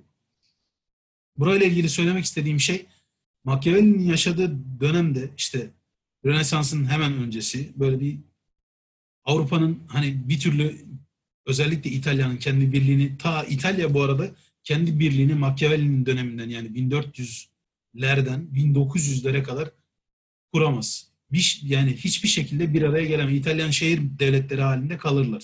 Yani bir türlü birlikleri kurulamıyor. Bu ekstra bir bilgi olarak girsin araya. Çünkü her şehrin kendince ciddi bir kültürü var, kendince ciddi bir hani üretim birikimi var, ekonomisi var. Ondan dolayı da e, Türkçe'de yerleşmiş bir tabir var işte hani diğerinin şeyini kabul etmemek, hükümranlığını. Hani sen sen sen ben de benim modunda yaşarlar hepsi. Hepsinin kendince bir e, tavrı, tarzı vardır. Paralo askerleri İtalya'nın askeri e, şeyini bozmakla suçluyor. Geleneğini bozmakla suçluyor. Önce şuna geleyim. Kitapta İtalyanlar başkalarının ordularını kullandığı için İtalyanlar dediğim diğer şehir devletleri yani Milano'da Sforzalar, işte Floransa'da Medici'ler, e, Napoli ayrı şey bölge, hmm, ihtilaflı bölge, Alsas-Lorraine bölgesi gibi Napoli, İspanya, Fransa İtalya arasında sürekli ihtilaflı bir bölge olarak duruyor. Sürekli birileri saldırıyor. Hatta iki kişi birleşip saldırıyorlar. Diğerinin elinden alıyorlar. Yarı yarıya bölüşüyorlar. Fransa ve İspanya arasında olduğu gibi. Burada dikkat çekici bir nokta var. Oraya değinmek isterim. Birincisi şu. İtalyanlar Romalıların ardılları ve Machiavelli Romalılara ciddi bir saygı duyuyor. Öngörüleri olduğu için, savaştan hiçbir zaman kaçınmadıkları için ve gerekli yerlerde işte fethettikleri bölgelerde fethettikleri bölgeyi ellerinde tutmayı, yönetmeyi iyi bildikleri için, koloniler oluşturdukları için çok onları hep övgüyle onlardan bahsediyor, onları met ediyor. Ama işte tarihin bir cilvesi derler. Romalıların ardılları, Romalıların torunları, İtalyanlar bir türlü Romalılardan sonra birliklerini kuramıyorlar. Romalılar gibi bir bütün haline gelip, yek vücut haline gelip kendilerini yönetemiyorlar. Ve yine tarihin bir cilvesi olarak hep Roma'nın işgal ettiği bölgelerdeki insanların e, nasıl desem şeyine kalıyorlar. Lütfuna kalıyorlar öyle diyeyim. Şimdi Fransa bölgesi Galya, yanında işte İspanya, İberya. İşte İtalya'ya bir Fransızlar, bir İspanyollar sürekli saldırıyorlar. Veya içeriden İtalya içinden Venedikliler, işte e, Floransalılar, Milanolılar bunları davet ediyor. Saldırıya şey hazırlıyorlar. Zemin hazırlıyorlar. İşte Venediklilerle Floransalılar birleşip Milano'yu işgal etmeye çalışıyorlar. Machiavelli buna birincisi çok bozuluyor. Çünkü biraz e, vatansever bir adam. Özellikle İtalyan milliyetçiliği yapıyor. Tarihin cilvesi dememdeki sebep şu. Romalılar gibi iyi savaşan bir ırk, aynı zamanda iyi örgütlenen bir hani e, devlet ardıllarında bu kadar beceriksiz bir e, şey bırakıyor. Beceriksiz ardıllar bırakıyor. Sebebi de şu. İtalyan şehir devletleri piyade askerleri e, maliyetlerinin yüksekliği sebebiyle terk ediyorlar. Paralı askerler işte condottiero'lar var. Paralı askerleri e, paralı askerler piyasaya çıkıyor ve bunlar nam, şeref, ün kazanmak için daha küçük ama daha nitelikli ordularla savaşmak istiyorlar ve ziyadesiyle süvari ordular topluyorlar. Yani 50 bin kişilik bir piyade birliği yerine veya işte 3 farklı piyade birliği yerine 15 bin kişilik, 20 bin kişilik süvari birliği beslemeyi, işte aralarına 2 bin, 3 bin adet piyade koymayı, hatta sonrasında yavaş yavaş peyderpey bütün piyadelerden vazgeçmeyi düşünüyorlar. Bununla, bundan dolayı Machiavelli bu e, paralı askeri e, komutanları suçluyor. Diyor ki kardeşim bu iş öyle bir noktaya geldi ki paralı askerler, paralı komutanlar şöyle yapmaya başladılar. Diyelim ki ben Milano düküyüm, sizi tuttum. Siz de işte Floransa düküsünüz. Ee, Eren'i tuttum mesela paralı asker olarak. Floransa dükü de başka birisini tuttu paralı asker olarak. Bu paralı askerler sözlü olmayan, şey yazılı olmayan kuralları var diyor. Kışın savaşmazlar. Savaştıklarında birbirlerini öldürmezler. Diğerinin askerlerini öldürmüyorlar. Neden? Çünkü bu iş artık ticaret olmuş. İki paralı asker komutanı bildiğiniz işi ticarete dökmüş. Kimse kimseyi öldürmüyor. Yani bildiğiniz savaş değil bir piyes gerçekleşiyor. Gidiyorsun şartlar daha iyiyse sen daha iyi şartlara sahipsen onları esir alıyorsun. Sonrasında da kendi aralarında yine yazılı olmayan kurallar hasebiyle birbirlerini herhangi bir fidye ödemeden serbest bırakıyorlar. Bu da İtalyan devletlerinin ya da İtalya'nın askeri geleneğinin tabiri caizse içine ediyor. Yani adamların artık savaşçılık kalmıyor. Tamamen bir piyes dönüyor ortada. Kim paralı asker tutarsa aslında bir piyese ortak olmuş oluyor. Ha, Ama- ama ve burada araya gireyim. Bunun sonucunda İkinci Dünya Savaşı'nda Mussolini yani Yunanistan'ı bile işgal etmeyi başaramıyor. Ha Yani- işte Irvin Rommel'i Afrika'dan getirtip Almanlar Hitler Evet. Bir İşte kol ordu verip Alman kol ordusu verip Aynen Wustenfuchs denilen işte çöl tilkisi denilen Irvin Rommel getiriyor Yunanistan'ı işgali için. Çünkü koskoca bir İtalyan ordusu Pirene dağlarında Yunanlılarla savaşamıyor. Yunanlıların kol ordularıyla savaşamıyor. Yani öylesi bir hani askeri dehanın bitirilmesi öyle diyeyim. Ee, Machiavelli'nin buradaki şeyi çok doğru. Yani mevzuya tam olarak anlatabildim mi bilmiyorum yani biraz e, geniş çapta anlatmaya çalıştım ama Adam diyor ki paralı askerlik eşittir piyes, tiyatroculuk. Başka hiçbir şey değildir. İnsanlar artık savaşmaz olurlar. Birbirlerinin arasında hani böyle esir değiş tokuşu yaparlar. Bu birinci değinmek istediğim noktalardan birincisiydi. Ben de şeye inanıyorum. Machiavelli'ye bu konuda destek veriyorum. Yani görüşü bence doğru. Ayrıca Roma bütün başarılarını piyadelerle kazandı. Hiç yani evet Roma'nın bir sürü elit süvarileri vardı. Ama asıl başarılarını Roma'ya lejyon dediğimiz piyadeler getirdi. Bu birincisi. Ayrıca biz de yine burada bir parantez açayım. Bize Osmanlılara hep Müslüman Roma denir. Sebebi de Asyatik gelenekten getirdiğimiz süvari orduları terk edip burada mecburen piyade ordulara dönmemizdir. Biz de birçok anlamda özellikle askeri teşkilatlanma anlamında Roma'yı örnek aldık. İkincisi, eee, paralı askerlerle çalışan hatta yardımcı ordularla çalışan bir adam olarak Ioannes Kantakuzos Kantakuzenos diye bir adamdan bahseder veya Kantakuzene, Ioannes Kantakuzene Roma İmparatoru, Bizans İmparatoru olarak. Burada bir parantez açmam lazım. Burası da bizi ilgilendiriyor. Der ki işte Türklerden yardım aldı, Türkler geldi, bir daha da gitmediler. Bununla eleştirir. Ve der bu inançsızları Avrupa sahnesine Türk Türkleri yani inançsızları değil Türkleri şey soktu. Bu adam soktu. Şimdi bu adam hakkında biraz bahsetmemiz gerek bu adamdan. Bu adam biraz değişik bir abimiz. Öncelikle bu adam e, 1341'de ölen imparatorun yerine geçiyor bir şekilde. Orayı biraz uzun anlatacağım bu arada kusura bakmayın.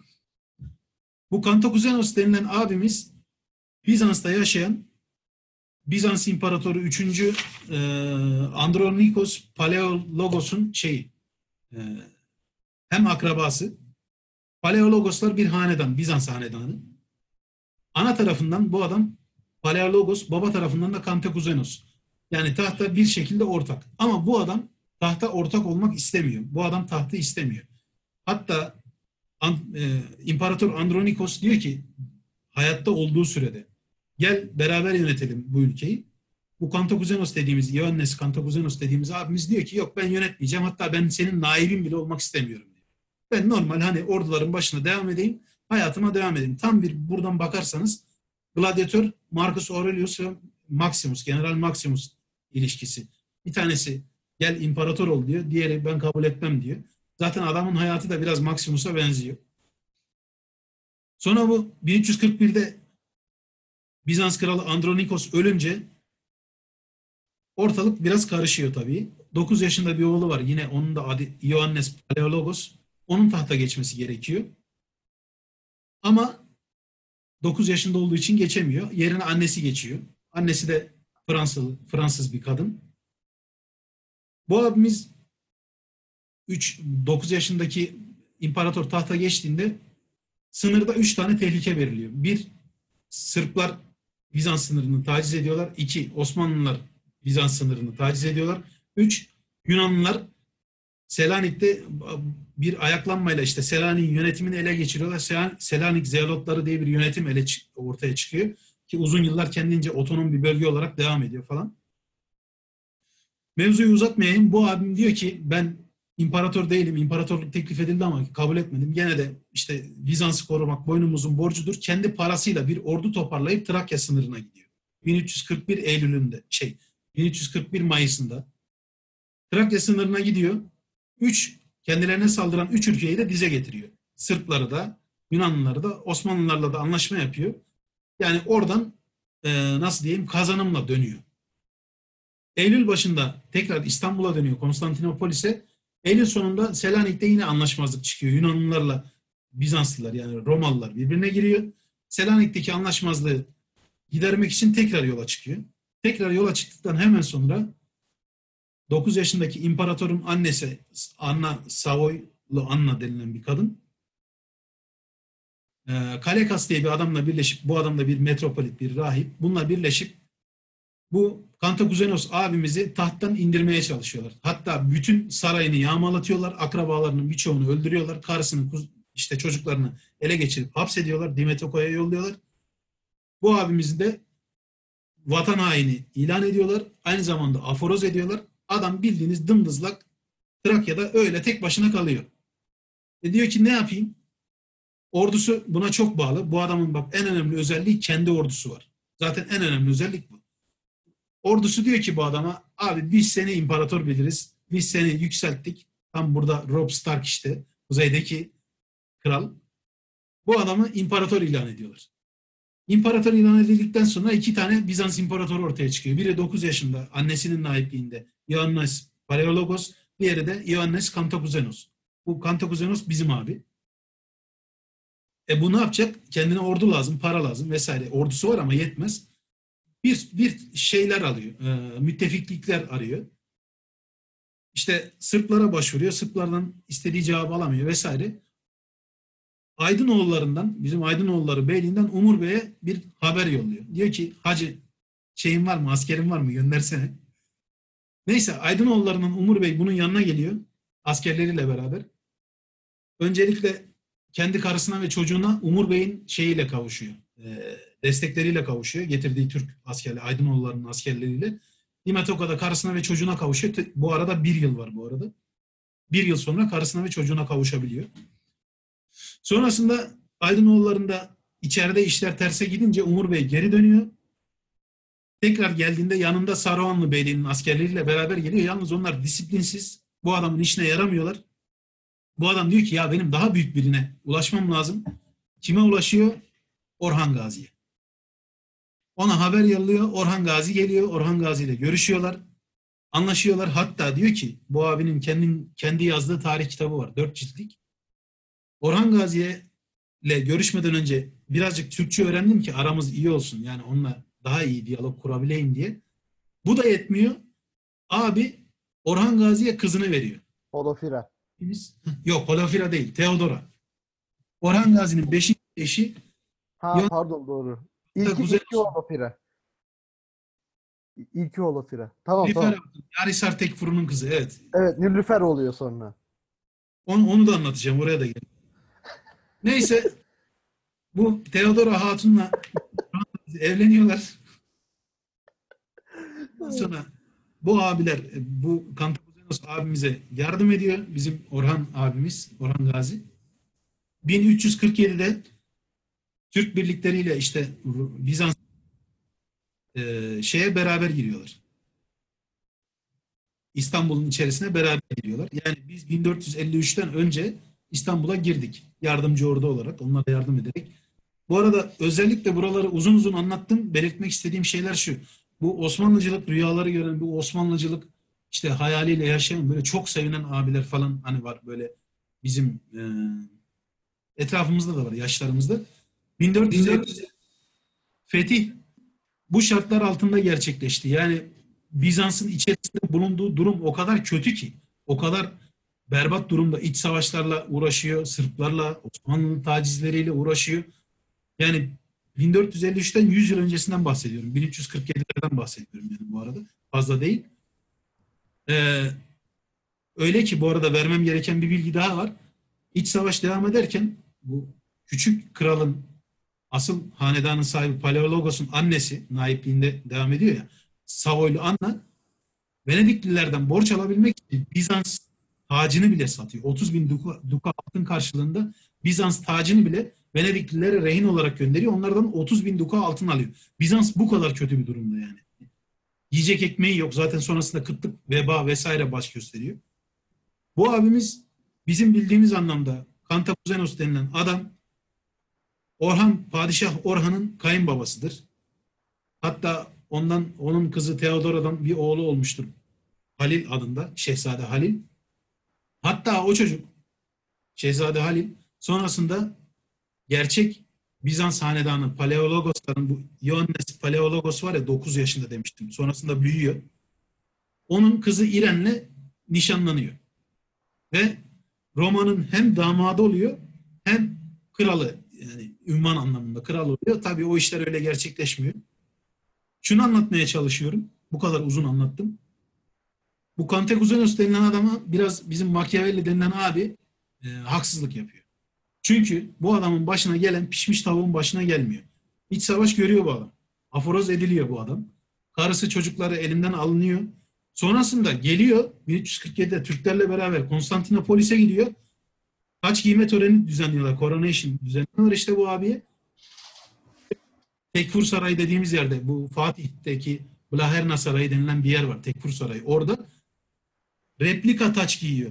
Çünkü asıl taç Venediklilere şey olarak verilmiş, rehin olarak verilmiş, camdan yapılmış replika. Üçüncü kez taç giyiyor bu adam. Parasızlıktan kırılıyor. Yani bu adamın başına gelmeyen kanun. Ha bu arada ordusunun yarısı vebadan kırılıyor. Hatta küçük oğlu bile vebadan ölüyor bu adamın. Ve Machiavelli denilen abimiz diyor ki lan bu Türkleri soktu, inançsızları soktu falan. Şimdi ben şöyle bir araya girmek istiyorum. Şimdi Machiavelli e, öncülüğünde ben hani şey oluyorsam bu adam direkt en baştan zaten hata etmiş. İmparatorluğu istememiş. İstemesi lazımdı. Sıkıntı Yani o. evet Machiavelli haklı. Sonra gelen yani Machiavelli'ye ge- gene referans alacak olursak bence hatayı başta yapmış zaten. Sonunda bir sürü farklı silsilelerle hani mecbur kalmış işte yani e, Hı. dışarıdan bir orduya mecbur kalmış. Neden? Kendisi içeride imparatorluğa yükselmiş. Kendi ordusu var aslında. Kendi ordusu Var var. ama var ama kendisini sürgüne göndermiş gibi neredeyse yani. Ama bak Kendi- uzun vadede Machiavelli yine haklı çıkıyor. O senin anlattığın uzun olaylar silsilesinin sonucunda Osmanlı ne kazanıyor biliyor musun? Toprak Gelibolu. Gelibolu'da Çimpe Kalesi'ne veriyor. Hmm. Sadece bir tane kale. Bir tane kale. Ama o bir kale var ya işte Osmanlı'nın Gelibolu'ya attığı böyle ilk şey çıpa oluyor. Ya sadece Kantakuzenos'la açıklanamaz bu. Yani dönemde Tabii, zaten tabii. iyi bir siyasal ve otorite yani siyasal boşluk var. Aynı Ya zamanda Bizans zaten doyuma ulaşmış bir devlet. Hani yıkılacak. Kimin yıkacağı bekleniyor yani hani. Ona bakıyorlar. Hem teknoloji olarak hem şey olarak e, bilim olarak kültür olarak geride kalmaya başlamış ve bir eski bir imparatorluğun gölgesi. aynen aynen öyle ve biz sadece orada dibinde bulunduğumuzdan dolayı Bizans'ın bir güç olarak hani bir alternatif haline geldik. Burada Machiavelli doğrudur. Hani diyor ya İspanyolları Milano'ya davet etti. Ee, Charles diyor ve kendine alternatif getirdi. Asla diyor etrafında bir alternatifin olmasına izin vermeyeceksin. Bunu Türkçeleştirirsen şöyle. Çam ağacı gibi olacaksın. Altında ot bitirmeyeceksin. Çam ağacının altında hiç ot bitmez. Çünkü çam ağacı altında başka bir otun yaşamasına izin vermez. O yüzden alternatifin olmayacak. Bu Evet. Konstantinos abinin bizim Türk tarihindeki yeri bu. Benden önce söyledi. Gelibolu'yu yani Süleyman eee Orhan Gazi'nin oğlu Süleyman önderliğinde biz Gelibolu'yu ve Çimpe Kalesi'ni Bizans'tan aldık ve ondan sonra bizim durdurulamaz yükselişimiz yani Avrupa sahnesindeki durdurulamaz yükselişimiz baş- başladı. Aynı zamanda da bizim Orhan Gazi'nin de kendisi kayınbabasıdır. Ee, onun torunu yani Halil, Orhan Gazi'nin oğlu Halil kardeşi öldürtmüştür onu. Murat öldürtmüştür sonrasında. Ha, oraya geleyim onu da ar- arada vereyim artık bitsin. Ya var bir şey bundan bayağı film olurmuş ya bu hikayeden. Hani Bu hikaye çok uzun. böyle Evet. Osmanlı filmleri bilmiyorum çekildim ama tam filmi çekilecek hikaye yani. Mesela şu an bizim Eskişehir'in ilçesi var ya Mihaliççik diye bir tane ilçesi var Evet. işte. Mesela oranın adı Kö- Köse Mihal'den gelir. İşte o Köse Mihal Yarışlar'ın tek vurudur. Mihail adı. Sakalı çıkmaz o yüzden Köse Mihal derler ona. Yarışlar Tekfur'un kızı Nilüfer Hatun, Holofira dediğin işte o Nilüfer Hatun şeyle evlendi. Orhan'la evlendi. Ondan olan oğlu işte e, Murat oluyor galiba. Birinci Murat. Bu bir, bir, bir, bir virgül, bir virgül. e, Bursa'nın en büyük ilçesi olan Nilüfer de o Nilüfer'den gelir. O zaman Heh. e, Orhan Osmanlı'nın başkenti Bursa'dır. Evet. Ve o ilçeye Nilüfer adını Horofira yani ya işte neyse Osmanlı hayalleri böyle oluyor. Anlatabiliyor muyum? Bu işler sadece din ya sadece ırk eksenli olmaz. Yani dönemin gerçeklerini, realitesini kabul edersin. Ona göre davranırsın. Ona göre ittifaklar kurarsın. Parantez içinde söyleyeyim. Her evlilik ayrı bir ittifak, ayrı bir e, iddiadır. Başka bir toprak üzerinde iddiadır. Siyasal evliliklerin tamamı böyle yapılır. Yani böyle işte böyle Osmanlı hayalleri kurmakla tabiri caizse çok özür dileyerek söylüyorum. Osmanlı mastürbasyonu yapmakla hani tarihten bir şey anlayamazsın. Ee, tarihi değerlendirmek de bu bakımdan zor olabilir. Burada yanlışlarımız, söylediklerimiz arasında bazı yanlışlar olabilir ama önemli olan daha geniş perspektiften bakmak. Biz tamamen din üzerine, tamamen e, ırk üzerine davranan bir millet ya da toplum olmadığımız için gelişebildik fırsatları değerlendirebildiğimiz, e, yeniliklere açık olduğumuz için geliştik. Burada tutunduk, burayı kendimize yurt edindik ve buranın sahibi olabildik. Yani bir eğer tek kapsamdan, dar çerçeveden baksaydık mevzulara şu an buradaki variyetimiz, mevcudiyetimiz de yoktu. Bizi geldiğimiz yere geri sürmüşlerdi. Şartları, fırsatları iyi değerlendirdiğimiz için buradayız. Bunu da unutulmaması gerek- gerektiğini düşünüyorum. Böyle bir kenarda milletin kafasında kalsın. Beni uzunca bir süre dinlediğiniz için de ayrıca teşekkür ederim. Bu kadar söyleyeceklerim. Kante Kuzen ve Film, HBO film yani. HBO'nun yeni dizisi. Ha, Borgia'lardan da bahsedelim sonrasında ama. Siz biraz devam edin. Borgia'lardan da bahsetmek istiyorum. Borgia. Ee, şimdi benim girmek istediğim bir konu var burada. Şeyin bahsettiği iki konu var aslında. Birincisi aslan ve tilki benzetmesi var Machiavelli'nin. Eğer bir diyor işte hükümdarsanız bir prensseniz aslan ve tilki gibi olacaksınız. Aslan tuzaklardan kaçamaz ama korkusuzdur. Tilki ise ürkektir fakat kurnazdır. Tuzakları önden görebilir. Hatta bununla ilgili örnekler veriyor. Yani illa diyor her ihtilafta elinize kılıcı alıp Allah Allah Allah diye gitmeyin. Önce bir bakın. Hatta burada şeyin örneğini veriyor. Ee, kimdi o? Adları aklıma gelmeyecek şimdi de. Bu e, başa geçen bir konsül olduğu zaman işte Asya orduları komutanı şey imparatorluğunu ilan ediyor. Bir yandan İber orduları komutanı imparatorluğunu ilan ediyor. Marcus, Marcus Antonius. Ha, Marcus Antonius mu? Marcus Antonius galiba. İşte İber'le şey Asya ile savaşıyor. İber'e diyor ki gel beraber seninle yönetelim ülkeyi. Sonra o kanıyor. inanıyor buna. Beraber birleşip Asya orduları komutanını öldürüyorlar. Geri dönünce de vatan hainliğiyle suçluyor Marcus Antonius. ittifak teklif ettiği adamı ve orada öldürülmesine sebep oluyor. İşte bu diyor çok güzel bir örnektir. Yani ona aslan gibi ona tilki gibi oldu filan diye. Sezar'dan bahsediyorum. Pardon ya. O Se- Sezar mı? Ya, Yani hatırlayamayacağım. Antonius Asya ordularının komutanı.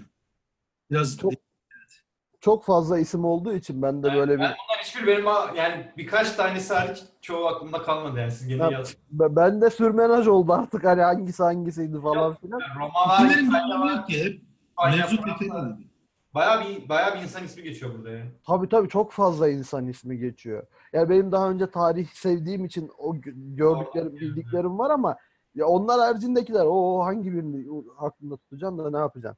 İkincisi de e, cimrilik ve cömertlik olayına çok takmış durumda Machiavelli. Diyor ki yani tamam siz bir prens olabilirsiniz, halkınızı sevebilirsiniz. Halkınızla böyle iyi geçinmek için onlara cömertlik yapabilirsiniz. Ama diyor cömertlik kendi kendini bitiren bir lanettir. Yani paranız da biter, siz de bitersiniz. Ve diyor insanlar yaptığınız iyiliklere alışırlar. Çok cömert olursanız parayı dağıtırsınız, dağıtırsınız. Herkesi de memnun edemezsiniz. Para bittiğinde ne olacak diyor yani. O yüzden diyor biraz tutumlu olmak iyidir. Sizi bırakın diyor cimri olarak bilsinler hatta. Bu benim hoşuma gitmişti. Sonra Fransa kralından örnek veriyor Louis'den. Diyor ki yıllarca tasarruf etti, etti, etti, halkını sıktı diyor. Ondan sonra çok uzun savaşlara halka ek vergi yüklemeden, halkını soymadan götürebildi çünkü parası vardı diyor. Yani şimdi ben bunu günümüz Türkiye'siyle bağlayacağım. Ee, Machiavelli yine haklı. Bunu söyleyeceğim sadece. Bu kadar e, kontrolsüzce e, bazı şeyler yapılırsa para bittiğinde ne olacak moduna gireriz hep beraber ki Orada çok güzel bir şey var. girmeye başlamış durumdayız. Bir de pardon bir de şey muhabbeti var. O da benim çok hoşuma gitti. Yani bir hükümdar oldunuz, yeni başa geçtiniz.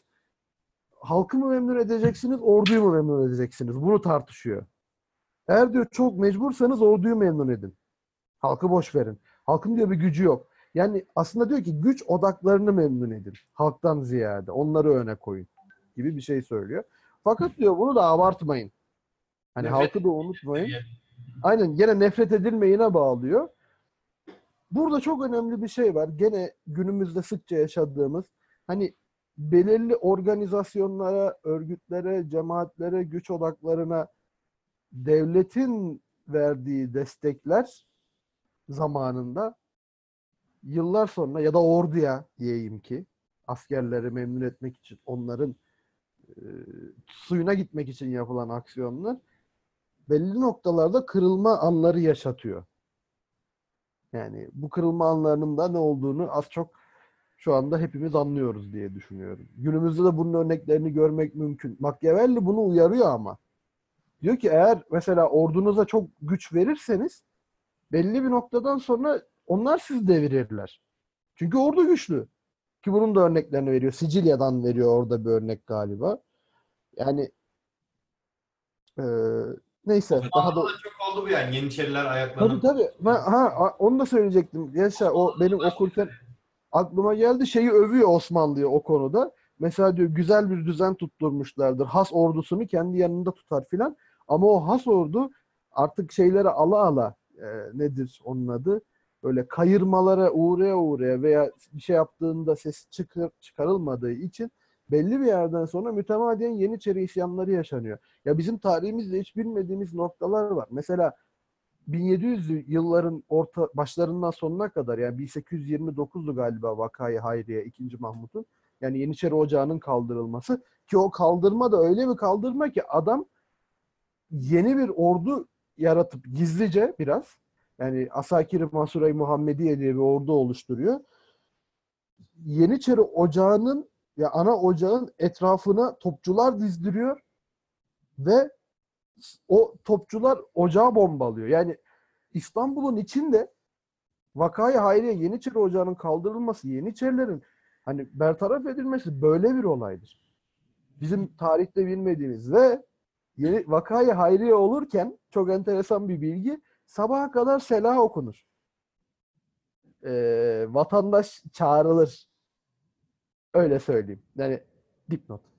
Şimdi tarihimizden ders almamız lazım. Ee, şey diyordum ha 1700'lerin başından 1800'lere kadar İstanbul bölge bölge resmen ayrılmış durumda ve Yeniçerilerin üst kademeleri bölgeleri idare ediyor. Mesela Yeniçeri kahveleri haraç toplanıyor. Ya, ya adı haraç gerçekten ama yarı legal hale gelmiş durumda. Çünkü devlet kendi askerine söz geçiremeyen bir pozisyonda. Yani işte 3. Selim'in öldürülmesi mesela Nizam-ı Cedid, Sekban-ı Cedid yani adam beğenmediği zaman dağıtılan cülüs bahşişini beğenmeyen Yeniçeri kazan kaldırıyor. Ki kazan kaldırmak da yani Türk ordusunda Ya kazan askeri politikanın yönlendirilememesinin de suçu var. Yani işte o fetih devam ediyor. Adamlara yağma sağlayamıyorsun. Yeterince savaş olmuyor. Hayır, hayır, hayır. Bak, ben buna katılmıyorum. Burada Bir sürü teknolojik gelişme olmuş. Yani bu adamlar artık şey olmuş yani hani kolay para kazanmanın yolunu paralı askere dönmüşler. işte paralı Evet. askerden ziyade çok fazla şey alıyorlar. Hani e, ne, ne- nedir onun adı? Aklıma sözcük Ganimet gelmiyor. işte yani. Ya fethiler, şimdi- ganimetler Yok, imtiyazlı hale geliyorlar. Çok imtiyazlı hale geliyorlar. Esas Ama şöyle düşün. bu. Yani Fethi'nin bence burada önemli bir şey var. 30 bin tane asker. Yani normalde onlar Fethi'ye çıkıyor sürekli ama Fetihliler olmayınca ne yapıyor? Şehrin içinde 30 bin tane böyle belli silahlı, tüfekli düşünsene yani hani Tamam İster ama bu adam zaten kendisi girer yani imtiyazı Hayır ama bir şey söyleyeceğim. Bu adamın zaten maaşı var ki. var ama işte daha fazlasını niye istemesi? Zaten savaşçı bir e, Ha bak mesela orada e, gene askeri yönetime gireceğim ben de. Madem Dilşat uzun konuştu ben de konuşacağım. Hep o beni baltalıyordu. herhalde biz 3 saati de geçeceğiz gibi gözüküyor. Yok. e, şu, şu kısaca anlatacağım yine 2. Viyana kuşatmasından. Kuşatmaya giden Merzifonlu şey yapıyor.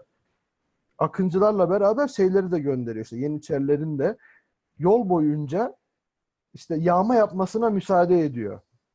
Başıbozukluk zaten var orduda. O zamanlar var ta 1683'ten beri Yeniçerilerde. E, Yağma yapıldıkça artık mesela e, Yılmaz Öztuna bunu öyle bir anlatır ki büyük Türkiye tarihinde der ki ya kuşatma kurulduğunda Viyana'ya her Yeniçeri zengindi. Yani hepsinin ikişer tane Yani Hayır abi niye savaşsın diyor. Anlatabiliyor muyum? Adam zaten mesela ikişer tane kadın almış efendim işte bir sürü altın gümüş sikkeler şunlar bunlar. Ada Yeniçerilerin diyor savaşmaya artık bir sebebi kalmamıştı. Bu yüzden isteksizdi. Zaten mesela ilk harekat ilk e, şey düzenlendiğinde saldırı düzenlendiğinde o kadar Yeniçeriler savaşmıyor ki birkaç tanesini astırmak zorunda kalıyor Merzifonlu. Yani şey- ya, cömertlik bir şekilde abartı gitmiş ona yani. ba- ona bağlayacağım zaten. Yani Evet. orada mesela Merzifonlu izin vermeseydi yağmaya ya da yapılan yağmanın savaştan sonra dağıtılacağını söyleseydi yani ellerine vermeseydi en azından parayı gene e, belki kurtarılabilirdi, kotarılabilirdi konu. Cimrilik yapsaydı yani Machiavelli'nin önerdiği gibi nefret toplamadan ya da az bir para verseydi o bile olabilirdi. Anlatabiliyor muyum? Yani Moğol ordu vermez mesela. Cengiz Han'ın çok güzel bir lafı vardır bununla ilgili. Tabii şu şu anın gerçeklerini karşılamaz ya da biraz ayıp e, kaçabilir de şey derler tok köpekten fena av beklenir der Moğollar. O yüzden öncesinde bu işlerin öncesinde hiç izin verilmez bu tip Ha. şeyler çılgınlıklara. Çünkü hakikaten tok köpekten fena av beklenir. Yara aç olacak ki ona göre savaşacak. Yani bunu bu arada şey yapayım arkadaşlar şimdi top köpekten fena av beklenir deyince sen bize nasıl köpek diyorsun falan. O, o iş öyle değil. Atasözü anlamında söylüyorum bunu. Moğolların böyle bir atasözü var. Şey hmm, asetik ordularda şeye izin verilmez. Mevzu öncesinde yağmaya izin verilmez normalde. Hani savaş öncesi yağmaya çok izin verilmez. Hani talan yapılır, belli küçük çaplı şeyler olur ama büyük anlamda yağmaya izin verilmez. Genel askeri gelenekte de şöyle bir şey var. Şehir ele geçirildikten sonra işte genel itibariyle bütün dünyada böyle bir kabul var. Üç gün civarında Evet. yağmaya izin verilir. Asker yağma yapar, girer içine. Yani bunu şimdi dinleyiciler diyor ki lan ne diyor bunlar falan diyebilir ama asker böyle bayağı içeri girer. Şehrin, Viyana'nın içine girdin. Gördün bir tane ev bayağı işte dışarıdan zengin görünüyor. İçine girdin. Yağma ne demek? Canın ne istiyorsa o evde neyi gördüysen onu alabilirsin demek. İstanbul fethedildiğinde de yağmaya izin verildi. Tabii, tabii. ise fethedilseydi yine yağmaya izin verilecek.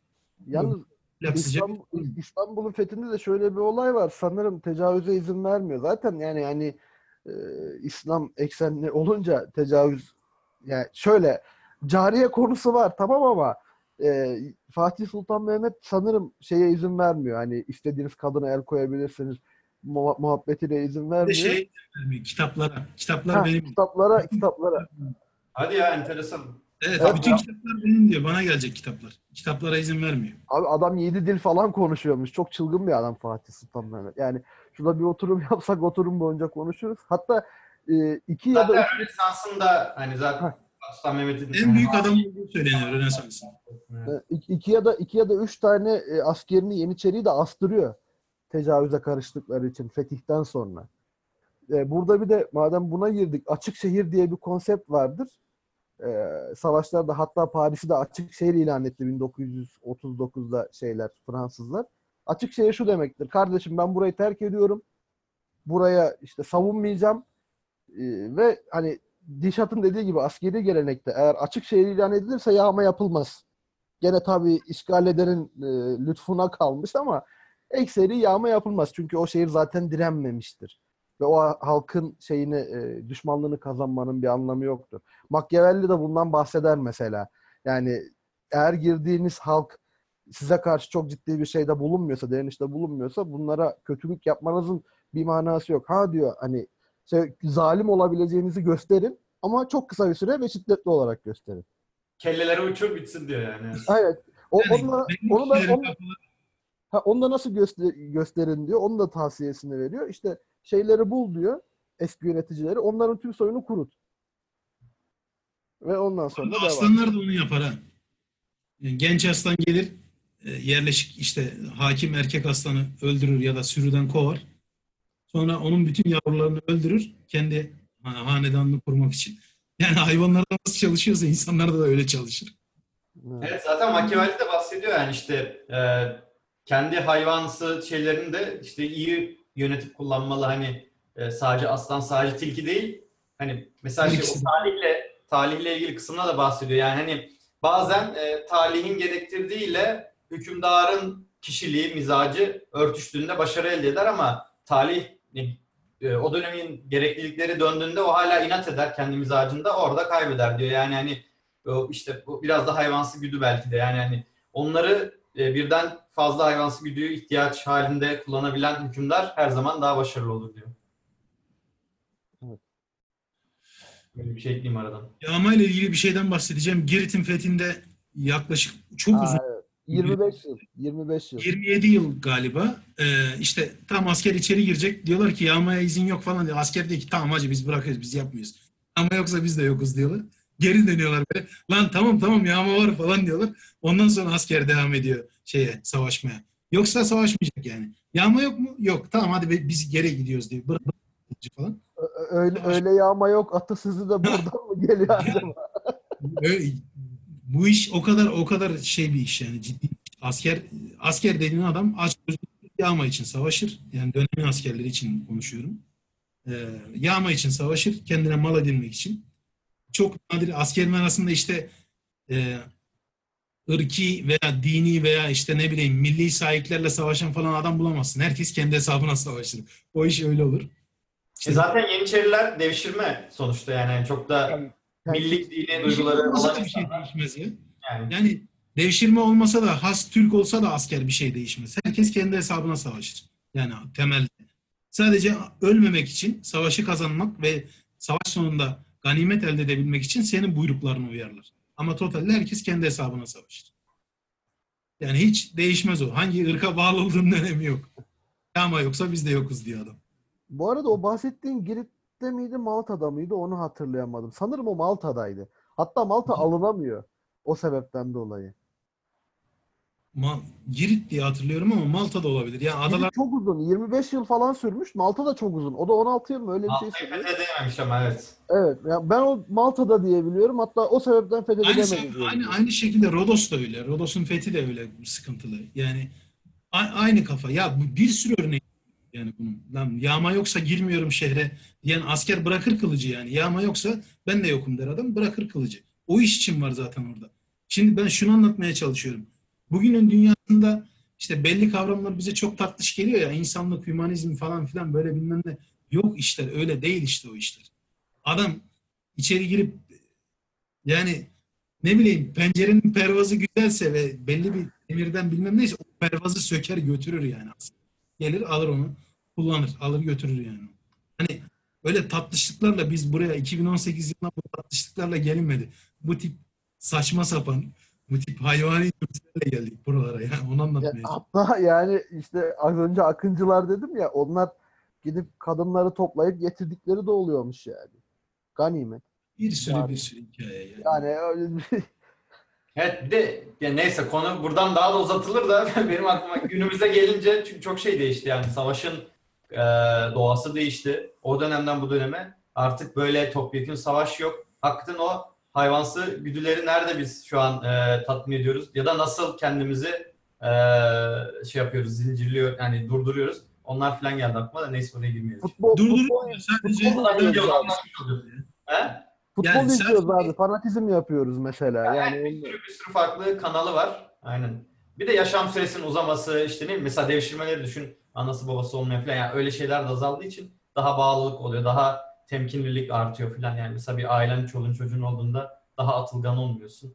Bu sayede 6-7 milyar insan birbirini boğazlamadan yaşayabiliyoruz yani hani e, oraya gel oralara gitti kafam aklım. Ya da daha azı birbirini boğazlıyor. Suriye'de falan bu, ara, bu arada bütün bu söylediğimiz şeyler gerçekleşiyor. Yağma, talan, hırs, askerin tecavüzü. Şu an Suriye'de iç savaş var. İşte herkes Rusya belli grupları destekliyor. Biz de belli grupları destekledik. Amerika birilerini destekliyor vesaire vesaire. Hepsi bir diğerine karşı özellikle başkaları tarafından desteklenen kendi variyetini başkalarının variyetine borçlu olan bütün bu gruplar bir diğerinin şehrine girdiğinde, köyüne girdiğinde tecavüzde gerçekleştiriyor, yağmada gerçekleştiriyor, talamda gerçekleştiriyor. Yani mesela Afrin'e biz girdiğimizde Afrin'dekiler Türk ordusundan memnun olduklarını söylediler ama Türk ordusunun yanında giren işte Özgür, Özgür Suriye ordusunun mensuplarından çok sıkıntı çektiklerini, onlarla ilgili çok ciddi sıkıntılar yaşadıklarını söylüyorlar Afrin yerlileri. Mesela biz şu an hala Afrin'i işte kontrol ediyoruz. Bunun gibi işte Münbiç'e girdiğimizde de yine aynı şey olabilir. Bunların hepsi hala gerçekleşiyor. Daha küçük ölçeklerde, daha az medyaya yansıyor. Hepsi o. Yani canı yanan biliyor mevzuyu. Biz bilmiyoruz. Ama işte tabii evet öyle bir şey var. Şimdiki dönem daha böyle belli lokasyonda, belli bölgelerde olabiliyor. Ama önceden topyekun savaş oluyormuş yani şehirlerde. Aynen. O, o zaman daha çok kişi yani. Orantılar, ona orantılarsan bayağı azalmış. Daha az. Tabii daha az. yüzden hani bir sürü farklı işte spor, spor bile öyle bir şey işte. Futbol dediğin gibi aynen. İşte Yani. böyle poligonlarda atış yapıyoruz falan hani gibi bir sürü şeyle gidiyor. Kitleleri birbirleri arasında kutuplaştıraraktan e, yani bir düşmanlık hissi, yapay bir düşmanlık hissi oluşturuyor, oluşturuluyor şu an dünyada. Mesela Amerika'yı düşünelim. Demokratlarla Cumhuriyetçiler değil mi? İki tane siyasi parti var. Ve bunların taraftarları işte dizilerde bile tartışırlar. İşte ben demo bir şey diyeceğim ama şey yapma ben demokratım, ben cumhuriyetçiyim falan. Hani bu tarz şeylerle, çekişmelerle o dediğimiz hayvani hislerimizi biraz oradan, biraz buradan, biraz şuradan tatmin ediyoruz gibi geliyor bana işte. Mesela bazıları hiçbir şeyle ilgilenmiyor, futbol fanatiği oluyor. Gibi. Yani Evet. Hadi bitirmeden şu borcalardan da bahsedek de kapatak sonra. Dur bir dakika, bir dakika. Ben Machiavelli'nin bir şeyinden dolayı kendisine çok gıcığım aslında. Amerikancıların ve şu anda şu anda bizim de hani öykündüğümüz ya da benimsediğimiz diyeyim daha doğru olur. For the greater good mantığı vardır ya hani daha daha büyük iyilik için. Mesela hani bazı işte felsefi açılımlar vardır. İşte bir trendesiniz. Bir tane makas var. Ee, bir tarafta beş kişi var, bir tarafta bir kişi var. Birini seçmek zorundasınız. İşte biri mi seçersiniz, beşi mi öldürürsünüz falan gibisinden. Yani bu tarz akıl oyunlarıyla Machiavelli de aynı şekilde yani daha büyük iyilik için kötülüklerin yapılabileceğini söyler. Hep Amerikan sistemi de budur. Biz de yavaş yavaş buna geçiyoruz. Dünya bunda aslında. Ve bu Machiavellizm deniyor buna biraz da. E, bu benim hoşuma gitmiyor. Yani daha büyük bir iyilik için insanlara kötülük edilmesi fikrini reddediyorum kendi adıma. Ha, burada tabii biraz Yalova kaymakamı gibi oldum ama yapacak da bir şey yok. evet Dişat. Borciyalar. Hadi bakalım. Valla oradan önce bir şey söylemek istiyorum. Biz bu bu tarafından kitabını hiç bahsetmedik de bu kitabın yazarının işte savunduğu görüşler yüzyıllarca insanların birbirlerini yermesine sebep oldu. İşte insanlar birbirlerine sen Machiavellistsin falan diye e, itham eder oldular. Machiavellizm kısaca şöyle açıklanıyor. Savaşı kazanmak istiyorsan işte her şey, her yol mübahtır bir savaşı kazanmak. Aşk, aşkta ve savaşta diyebiliriz biz bunu işte. Yani öyle basitçe, kısaca, kabaca öyle anlatabilirim. Yani bir ortada bir savaş varsa kazanmak için her yol mübahtır geyiği. Bu adam öyle bir adam ki kötülere el kitabı yazmış gibi an- an- anlaşılıyor. Yani hani kötüler için for evil for şey manuel for evil gibi bir şey oluyor ama öyle değil yani. Bu adam eee kendince özellikle Medici'lere yaranmak için bu arada kafam yine saçma sapan çalışmaya başladı. Kitabı yazdığı kişiyle kitabı hediye et- etmek zorunda kaldığı kişi farklı. Farklı. Evet. Ee, bir Alfonso yazıyor galiba sonra Lorenzo'ya hediye etmek zorunda kalıyor. Şeyi değiştiriyor, başlığı değiştiriyor. Yani kitap muhteşem Lorenzo de Medici diye başlar ama öncesinde Alfonso çünkü arada sanırım Alfonso ölüyor. Evet. Oradan Medici ailesine biz buradan şunu anlıyoruz. Kişinin önemi yok. Medici, Medici soyadının önemi var. Yani hanedanın önemi var. Ee, o yüzden de abimizi Machiavellizmden suçlayabiliriz yani.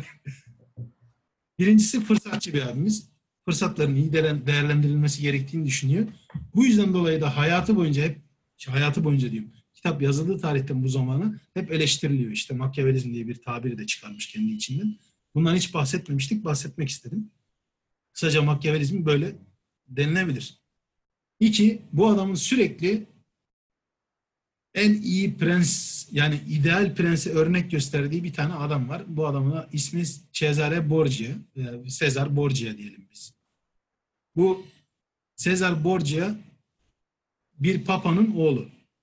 Rodrigo e, Borgia adında bir abimiz İspanyol bir kardinal papa seçiliyor. Papa 6. Alexander galiba oluyor. Borgia ailesinden. İspanyol asıllı bunlar. İspanyol ve İtalyan asıllı.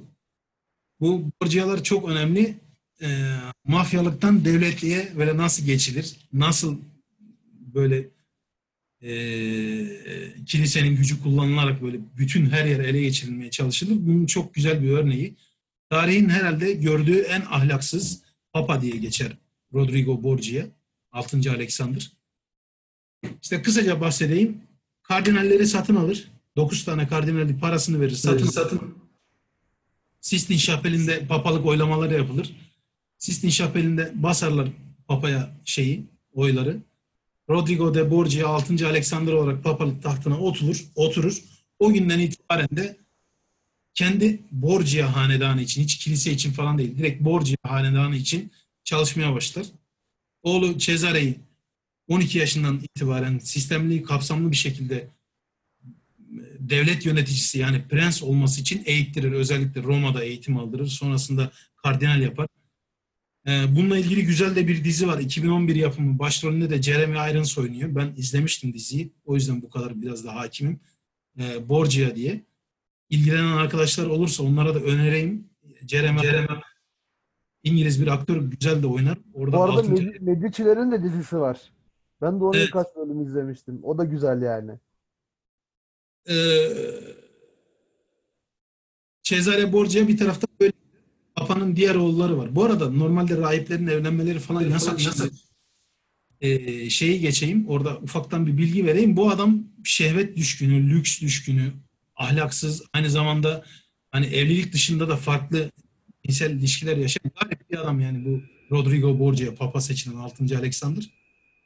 Oğulları var işte. Biri Cesare, diğeri de e, onu komutan yapıyor. Diğerinin adını unuttum şu an.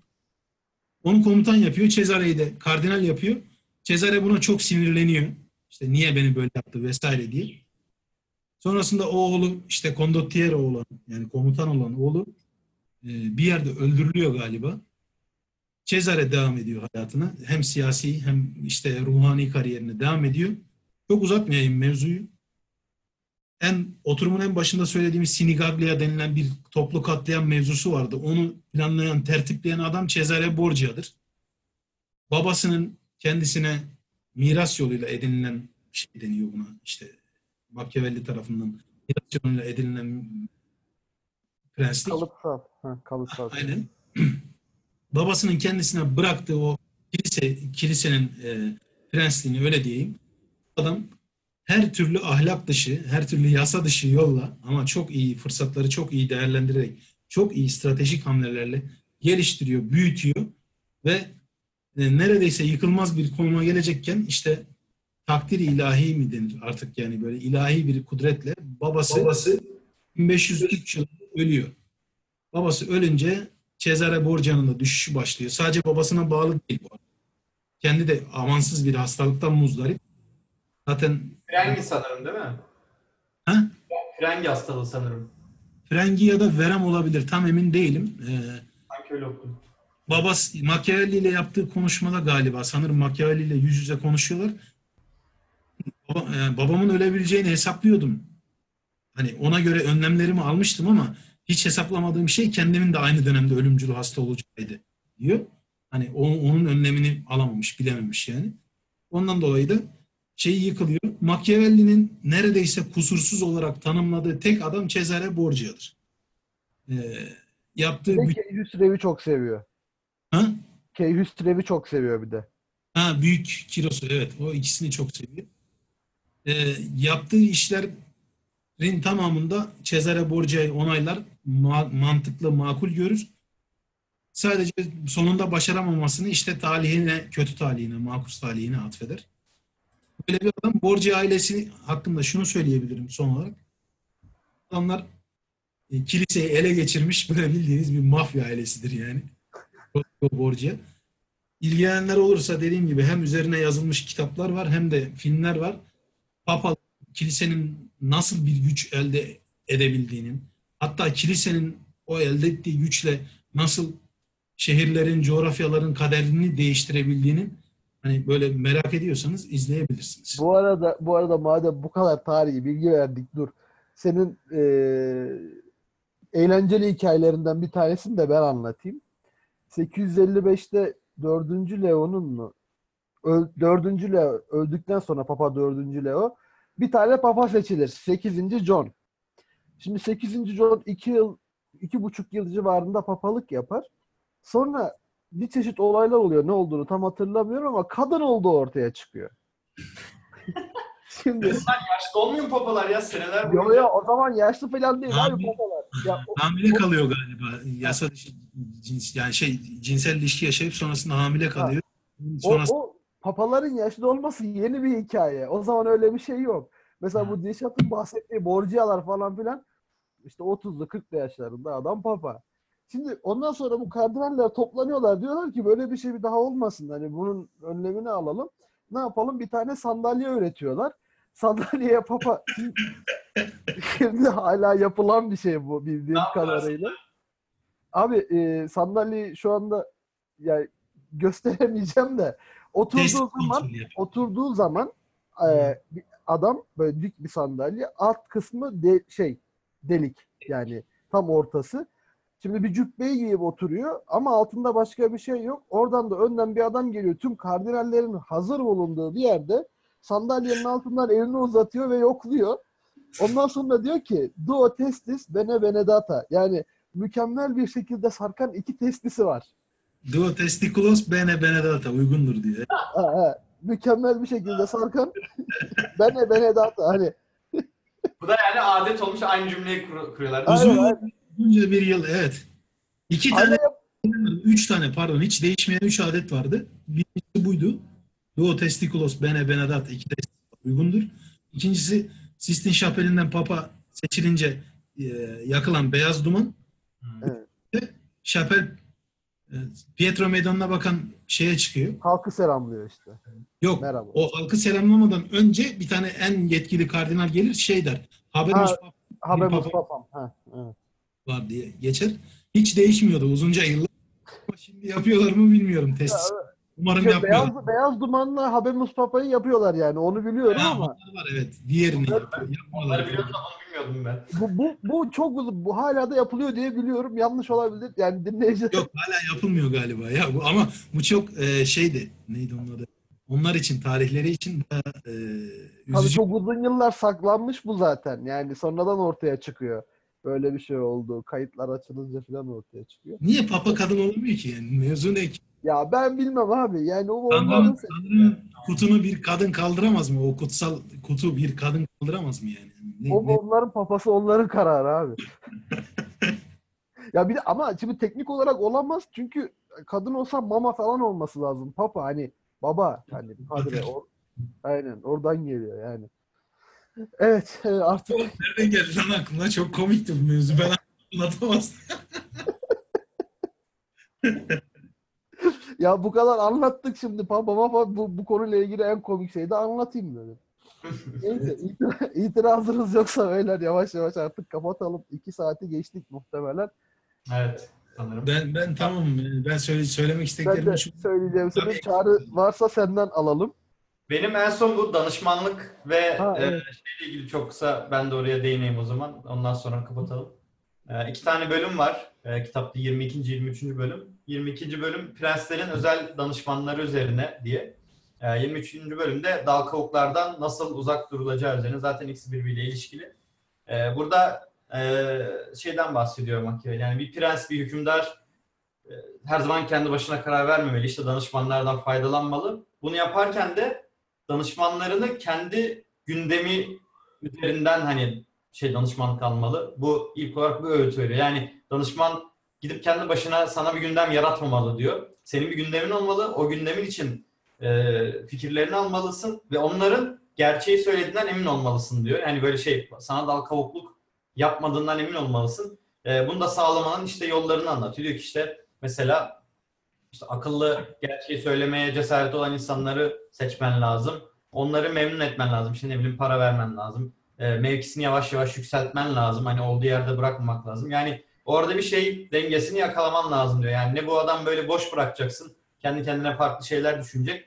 Ne de böyle işte çok darboğaz edeceksin. O zaman senden çekinecek. Hani ne senden çok çekinmeli ne de seni bırak bırakacak cesareti olmalı. Yani çünkü ne- neden seni bırakamıyor? Çünkü sen onu sürekli besliyorsun, yükseltiyorsun. Sensiz hiçbir iş hiçbir işe yaramayacağını da bilmeli diyor. Hani bu sayede e, danışmanlardan en iyi faydayı elde edersin diyor. Ben yine burada aklım şeye gitti yani bunları okurken. Benzer şekilde e, iş hayatında da çok benzer bir şey var. Yani mesela danışmanlık aldığın zaman ondan en iyi fayda edinmek için e, öncelikle bir kendi hani şeyini belirtmen lazım. Yani benim amacım bu. Buna yönelik ben, benim hani danışmanlığınıza ihtiyacım var.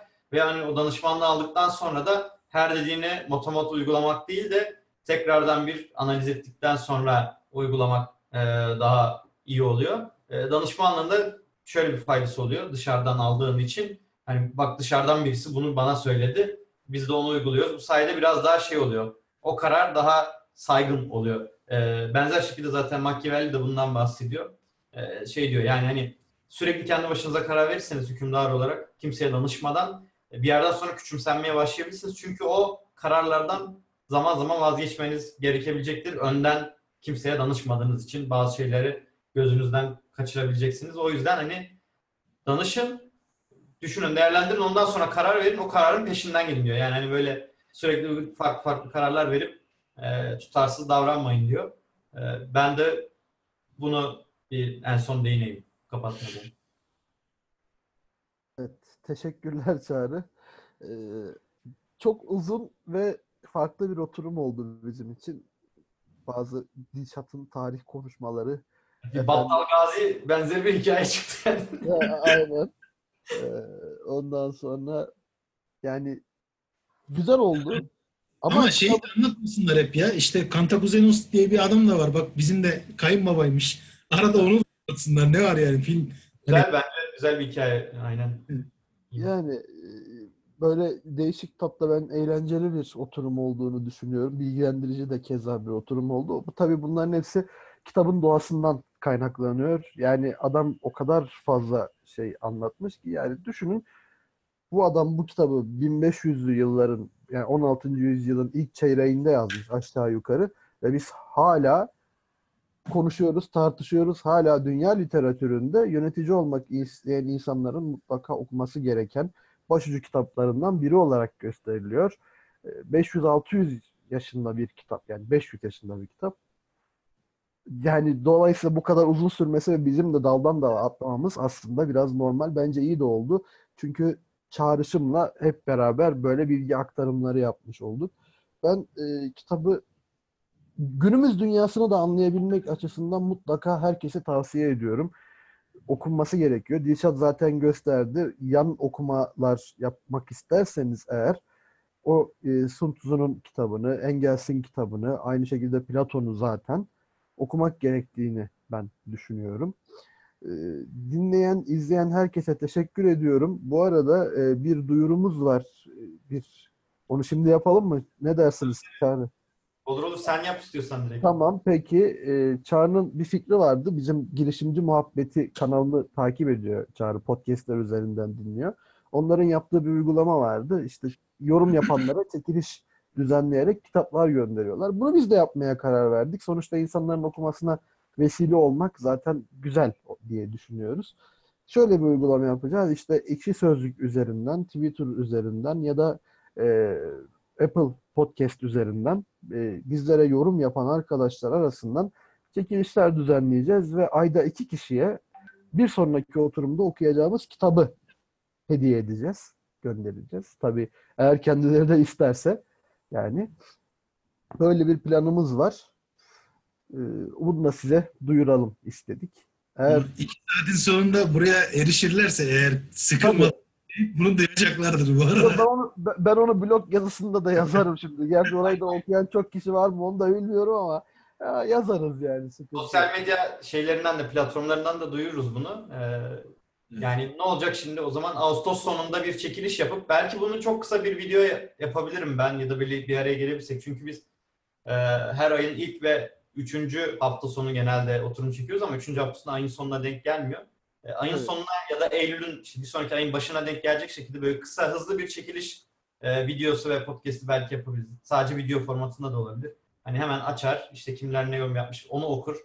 E, ondan sonra da çekilişi yapar hani canlı yayında gösteririz. Öyle bir şey olabilir diye düşünüyorum. Olabilir. Evet. Ee, evet. Var mı arkadaşlar? Eklemek istediğiniz bir şey. Dilşat sen istersen şey yap sonra ben kapanışla birlikte e, kapatayım. Varsa. Vallahi yaşadığımız dünyada insan doğasını anlamak için tekrar söylüyorum yönetim anlamında çok değerli bir kitap ama daha değerlisi bence benim görüşüm insan doğasının ve e, insan sosyolojisinin hani böyle çok çok iyi noktalarına temas eden müthiş öngörüleri olan 500 yıldan beridir hani neredeyse e, görüşleri %90'ın üzerindeki hani isabet oranıyla tutan bir e, kitap var elimde. Bu kitap size çok şey katar. Az değil. İlla içindeki tarihi mevzulara takılmayın. İnsan doğasını anlamak için çok ciddi bir el kitabı olabilir. Ee, bu bakımdan, bu perspektiften okursanız çok şey kazanırsınız bu kitapla ilgili. Onu söyleyeceğim. Ben Tabii buyur abi. günümüz günümüz Türkiye'si ile ilgili son olarak bir şey söyleyeceğim. Bu söyleyeceğim lütfen yanlış anlaşılmasın. Savaş yanlısı değilim. Sadece yine Machiavelli'nin haklı çıktığı bir konu olarak söyleyeceğim bunu. Machiavelli der ki eğer bir savaş varsa iki parti arasında ve sizin işte e, bu savaşa katılmanız isteniyorsa ve siz tarafsız kalırsanız savaşın sonunda kazanan tarafa yönelik bir hediye olursunuz. Yani onların işte aralarında paylaşacağı bir hediye olursunuz. Kaybedin, az önce Dişat da bundan bahsediyor. Gerekirse savaşa katılın, kaybedin, sonra geri küllerinizden doğun gibi bir şey söylüyor. İnsan faktörünü, şuyu buyu, ölümleri, yaşamları hepsini bir kenara bırakıyorum. Bu konuda haklılar bunu itiraz edecek olanlar ama sadece şunu söyleyeceğim. İkinci Dünya Savaşı'na katılmayan e, Türkiye, İkinci Dünya Savaşı bittikten sonra iki dev gücün oyun ha- alanı haline geldi. Yani Aynı şeyi ben de düşündüm ya. Mesela Ya- e, İkinci Dünya Savaşı'nda biz Almanya'ya yakındık aslında. Yakındık, hatta malzeme de sattık. Belki kaybedecektik ama Almanya'nın şu, şu günkü durumunu gör. Ya Evet, kaybettik. Almanya şu an bizden daha iyi, çok daha iyi durumda. Aynı şeyi ben de ya çok Ve. Birinci Dünya Savaşı'na katıldık, kaybettik. Ee, ama devletimizi kurduk, küllerimizden doğduk. Platon, şey Platon diyorum, Machiavelli yine haklıydı. Evet. Hakikaten dediği, dediğini şu an Türkiye e, o işte dış güçlerin oyun alanı denilen şey belki de o yüzden çünkü Evet. Şimdi de mesela ben, çok benzer durumlardayız yani ta şeyden soğuk savaştan bu, bu, bu yana. Aynen öyle. Yani oyun alanına Doğu girdik. batı arasında gidip gelir durumdayız hala yani. Biz onu İkinci Dünya Savaşı'na katılmayı göze alamadık. Çünkü Birinci Dünya Savaşı'nda neredeyse hayatımızın tokadını yedik. Ta, sahip olduğumuz toprakların yani çok çok bölümü elimizden çıktı. İkinci Dünya Savaşı Teknik olarak zaten bizim değildi ya onlar. Yani Ha? Teknik olarak zaten bizim değildi. ya Biz- değildi ama yani halk öyle bir moral bozukluğuyla yaşıyor. Ha, E tabii o ayrı. asker kaybetmişiz. Yani hani çok rezil durumlardan geldik. İkinci Dünya Savaşı'nı kaldırabilecek potansiyelimiz var mıydı? O tartışılır. Ben İkinci Dünya Savaşı'na katılmamayı yine de iyi bir seçenek, iyi bir Ya, devlet başarısı olarak görüyorum. Onlar ayrı ama İkinci Dünya Savaşı'nda mağlup olan ülkelere bak. Almanya, Japonya yani hani ya onu, Çok ağır yaşadılar yıllarca. En azından biz biraz da evet bir güçlerin oyun alanı olduk ama daha daha Ya özgür Japonya abi Japonya'da iki tane atom bombası patlatıldı ya. Berlin diye bir şehir kalmamıştı savaştan sonra. Yani neyse. Japonya Gene uzuyor. kendi ordusunu kuramadı ama sen kendi ordunu kurabildin. Japonya yıllardır kendi ordusunu daha Yeni, yeni başladı. 2010'da falan başladı yani. Hani düşün- 12'de galiba o Ha, anlaşma 2000 bitti. yani 1945'ten 2010'a kadar kendi ordusunu kuramayan bir ülkeden bahsediyoruz. Yani neyse bunlar başka bir oturumda tartışırız. Haklısın bazı noktalarda ama bence yine de savaşa katılmamak iyi bir karardı. onu o, o, o bu, bu oturumun konusu olmasın doğru Yani- söylüyorsun. Milyonlar gitmişti. E, tabii tabii tabii. Ya o ayrı bir konu. Ben sadece te- teori bazında konuştum. Evet teorik olarak haklısın. Ona hiçbir itirazım yok. Evet. En azından Machiavelli gibi düşünürsek hani ölen insanları falan değil de sadece devlet Ha, işte ha. düşünürsen mantıklı aynen ama Dişat'ın dediği gibi bir sürü yani çok büyük zayiatlar e, Tabii verebilir. tabii. O, o onlar ayrı. Onlar ayrı. bir de bir spirik bir savaştan. Ya biz yüzyıllardır savaşıyoruz. Türkler yüzyıllardır savaşıyor yani. Hiç hiç vazgeçmediler bu işten. Yeter yıllık bir 10 yıl 20 yılda savaşmıyorsun. Biraz yandan- Evet evet öyle bir döneme ihtiyaç vardı belki de hakikaten. Ben de Dişat gibi düşünüyorum o konuda ama e, yani sırf güç şey ülke açısından düşünürsen hani o zayiatı ver sonra tekrar Eren haksız demiyorum. Gerçekten haklı yani. Hani iyi bir tespit de bu arada. Çok güzel de görmüş. iyi de bir tespit. Ama işte başka yanları, başka yönleri de var. Tamamdır. Ee, o zaman ben kapanışı yapayım. Ee, ben de Dişat'a çok yakın düşünüyorum yani kitap hakkında. Ee, özellikle yani ben işte iş hayatından birçok şey e, bana böyle direkt gözüme çarptı yani hani çünkü yaşadığım e, deneyimlerde hep böyle bir yönetim sıkıntısı çok oluyordu yani E, çalıştığım şirketlerde türlü türlü yönetim sıkıntıları oluyor. Özellikle de işte ben yazılımcılarla birlikte çalıştığım için e, daha yakından görüyorum. Yazılımcılar genelde zeki insanlar yöneticileri de onlardan daha az zeki insanlar oluyor genelde ve o insanları yönetemiyorlar. Ee, o yüzden çok güzel e, kendime şeyler çıkardım. Ee, ileride böyle bir yazılım ekibini tekrar yönetecek olursam e, orada bana güzel şeyler e, çıktı dersler yani. O açıdan benim için besleyici bir kitap olduğunu söyleyebilirim. Ee, bunu söylemek istiyorum en son.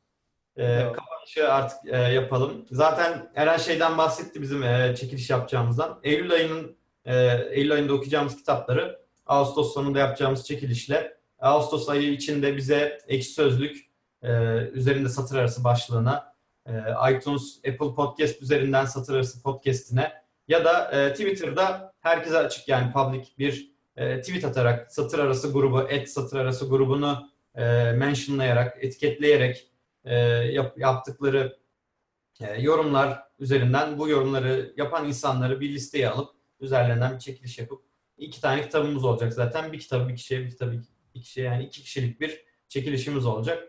E, sonrasında o kişilerle zaten iletişime geçeriz.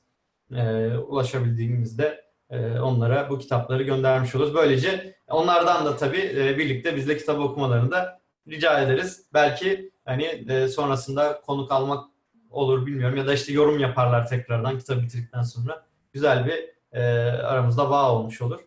Bu şekilde onu da tekrarlayayım ben de. E, bize e, sosyal medya platformlarımızdan takip edebilirsiniz. E, sanırım Dilşat düştü. Düştü. Evet, Kapatıyorduk. biz kapatalım Ben zaten. devam edeyim hemen. E, sosyal medya platformlarımızdan takip edebilirsiniz. E, YouTube'da, iTunes Podcast'te, Spreaker'da podcastlerimiz yayınlanıyor. E, bu arada Spotify'da da artık varız. Hani Spotify'da da Spotify kullanıyorsanız müzik dinlemek için satır arası diye ararsanız podcast'imize ulaşabilirsiniz. E, Spotify üzerinden de e, dinleyebilirsiniz bizi. Apple Podcast biraz e, bence deneyimi kötü bir e, uygulama. Hani e, isterseniz Spotify'dan da devam edebilirsiniz. Onu da aradan söylemiş olayım. E, blogumuzda zaten Eren e, anlatıyor bizim daha metin olarak e, neler konuştuğumuzu özetliyor. E, bunun dışında işte Twitter, e, Instagram, Facebook'tan da e, paylaşımlarımızı yapmaya devam ediyoruz. E, bir sonraki oturumumuzda görüşmek dileğiyle. Hoşça kalın, kitapla kalın. I Hoşçakalın. do not feel obliged to believe that the same God who has endowed us with sense, reason, and intellect has intended us to forego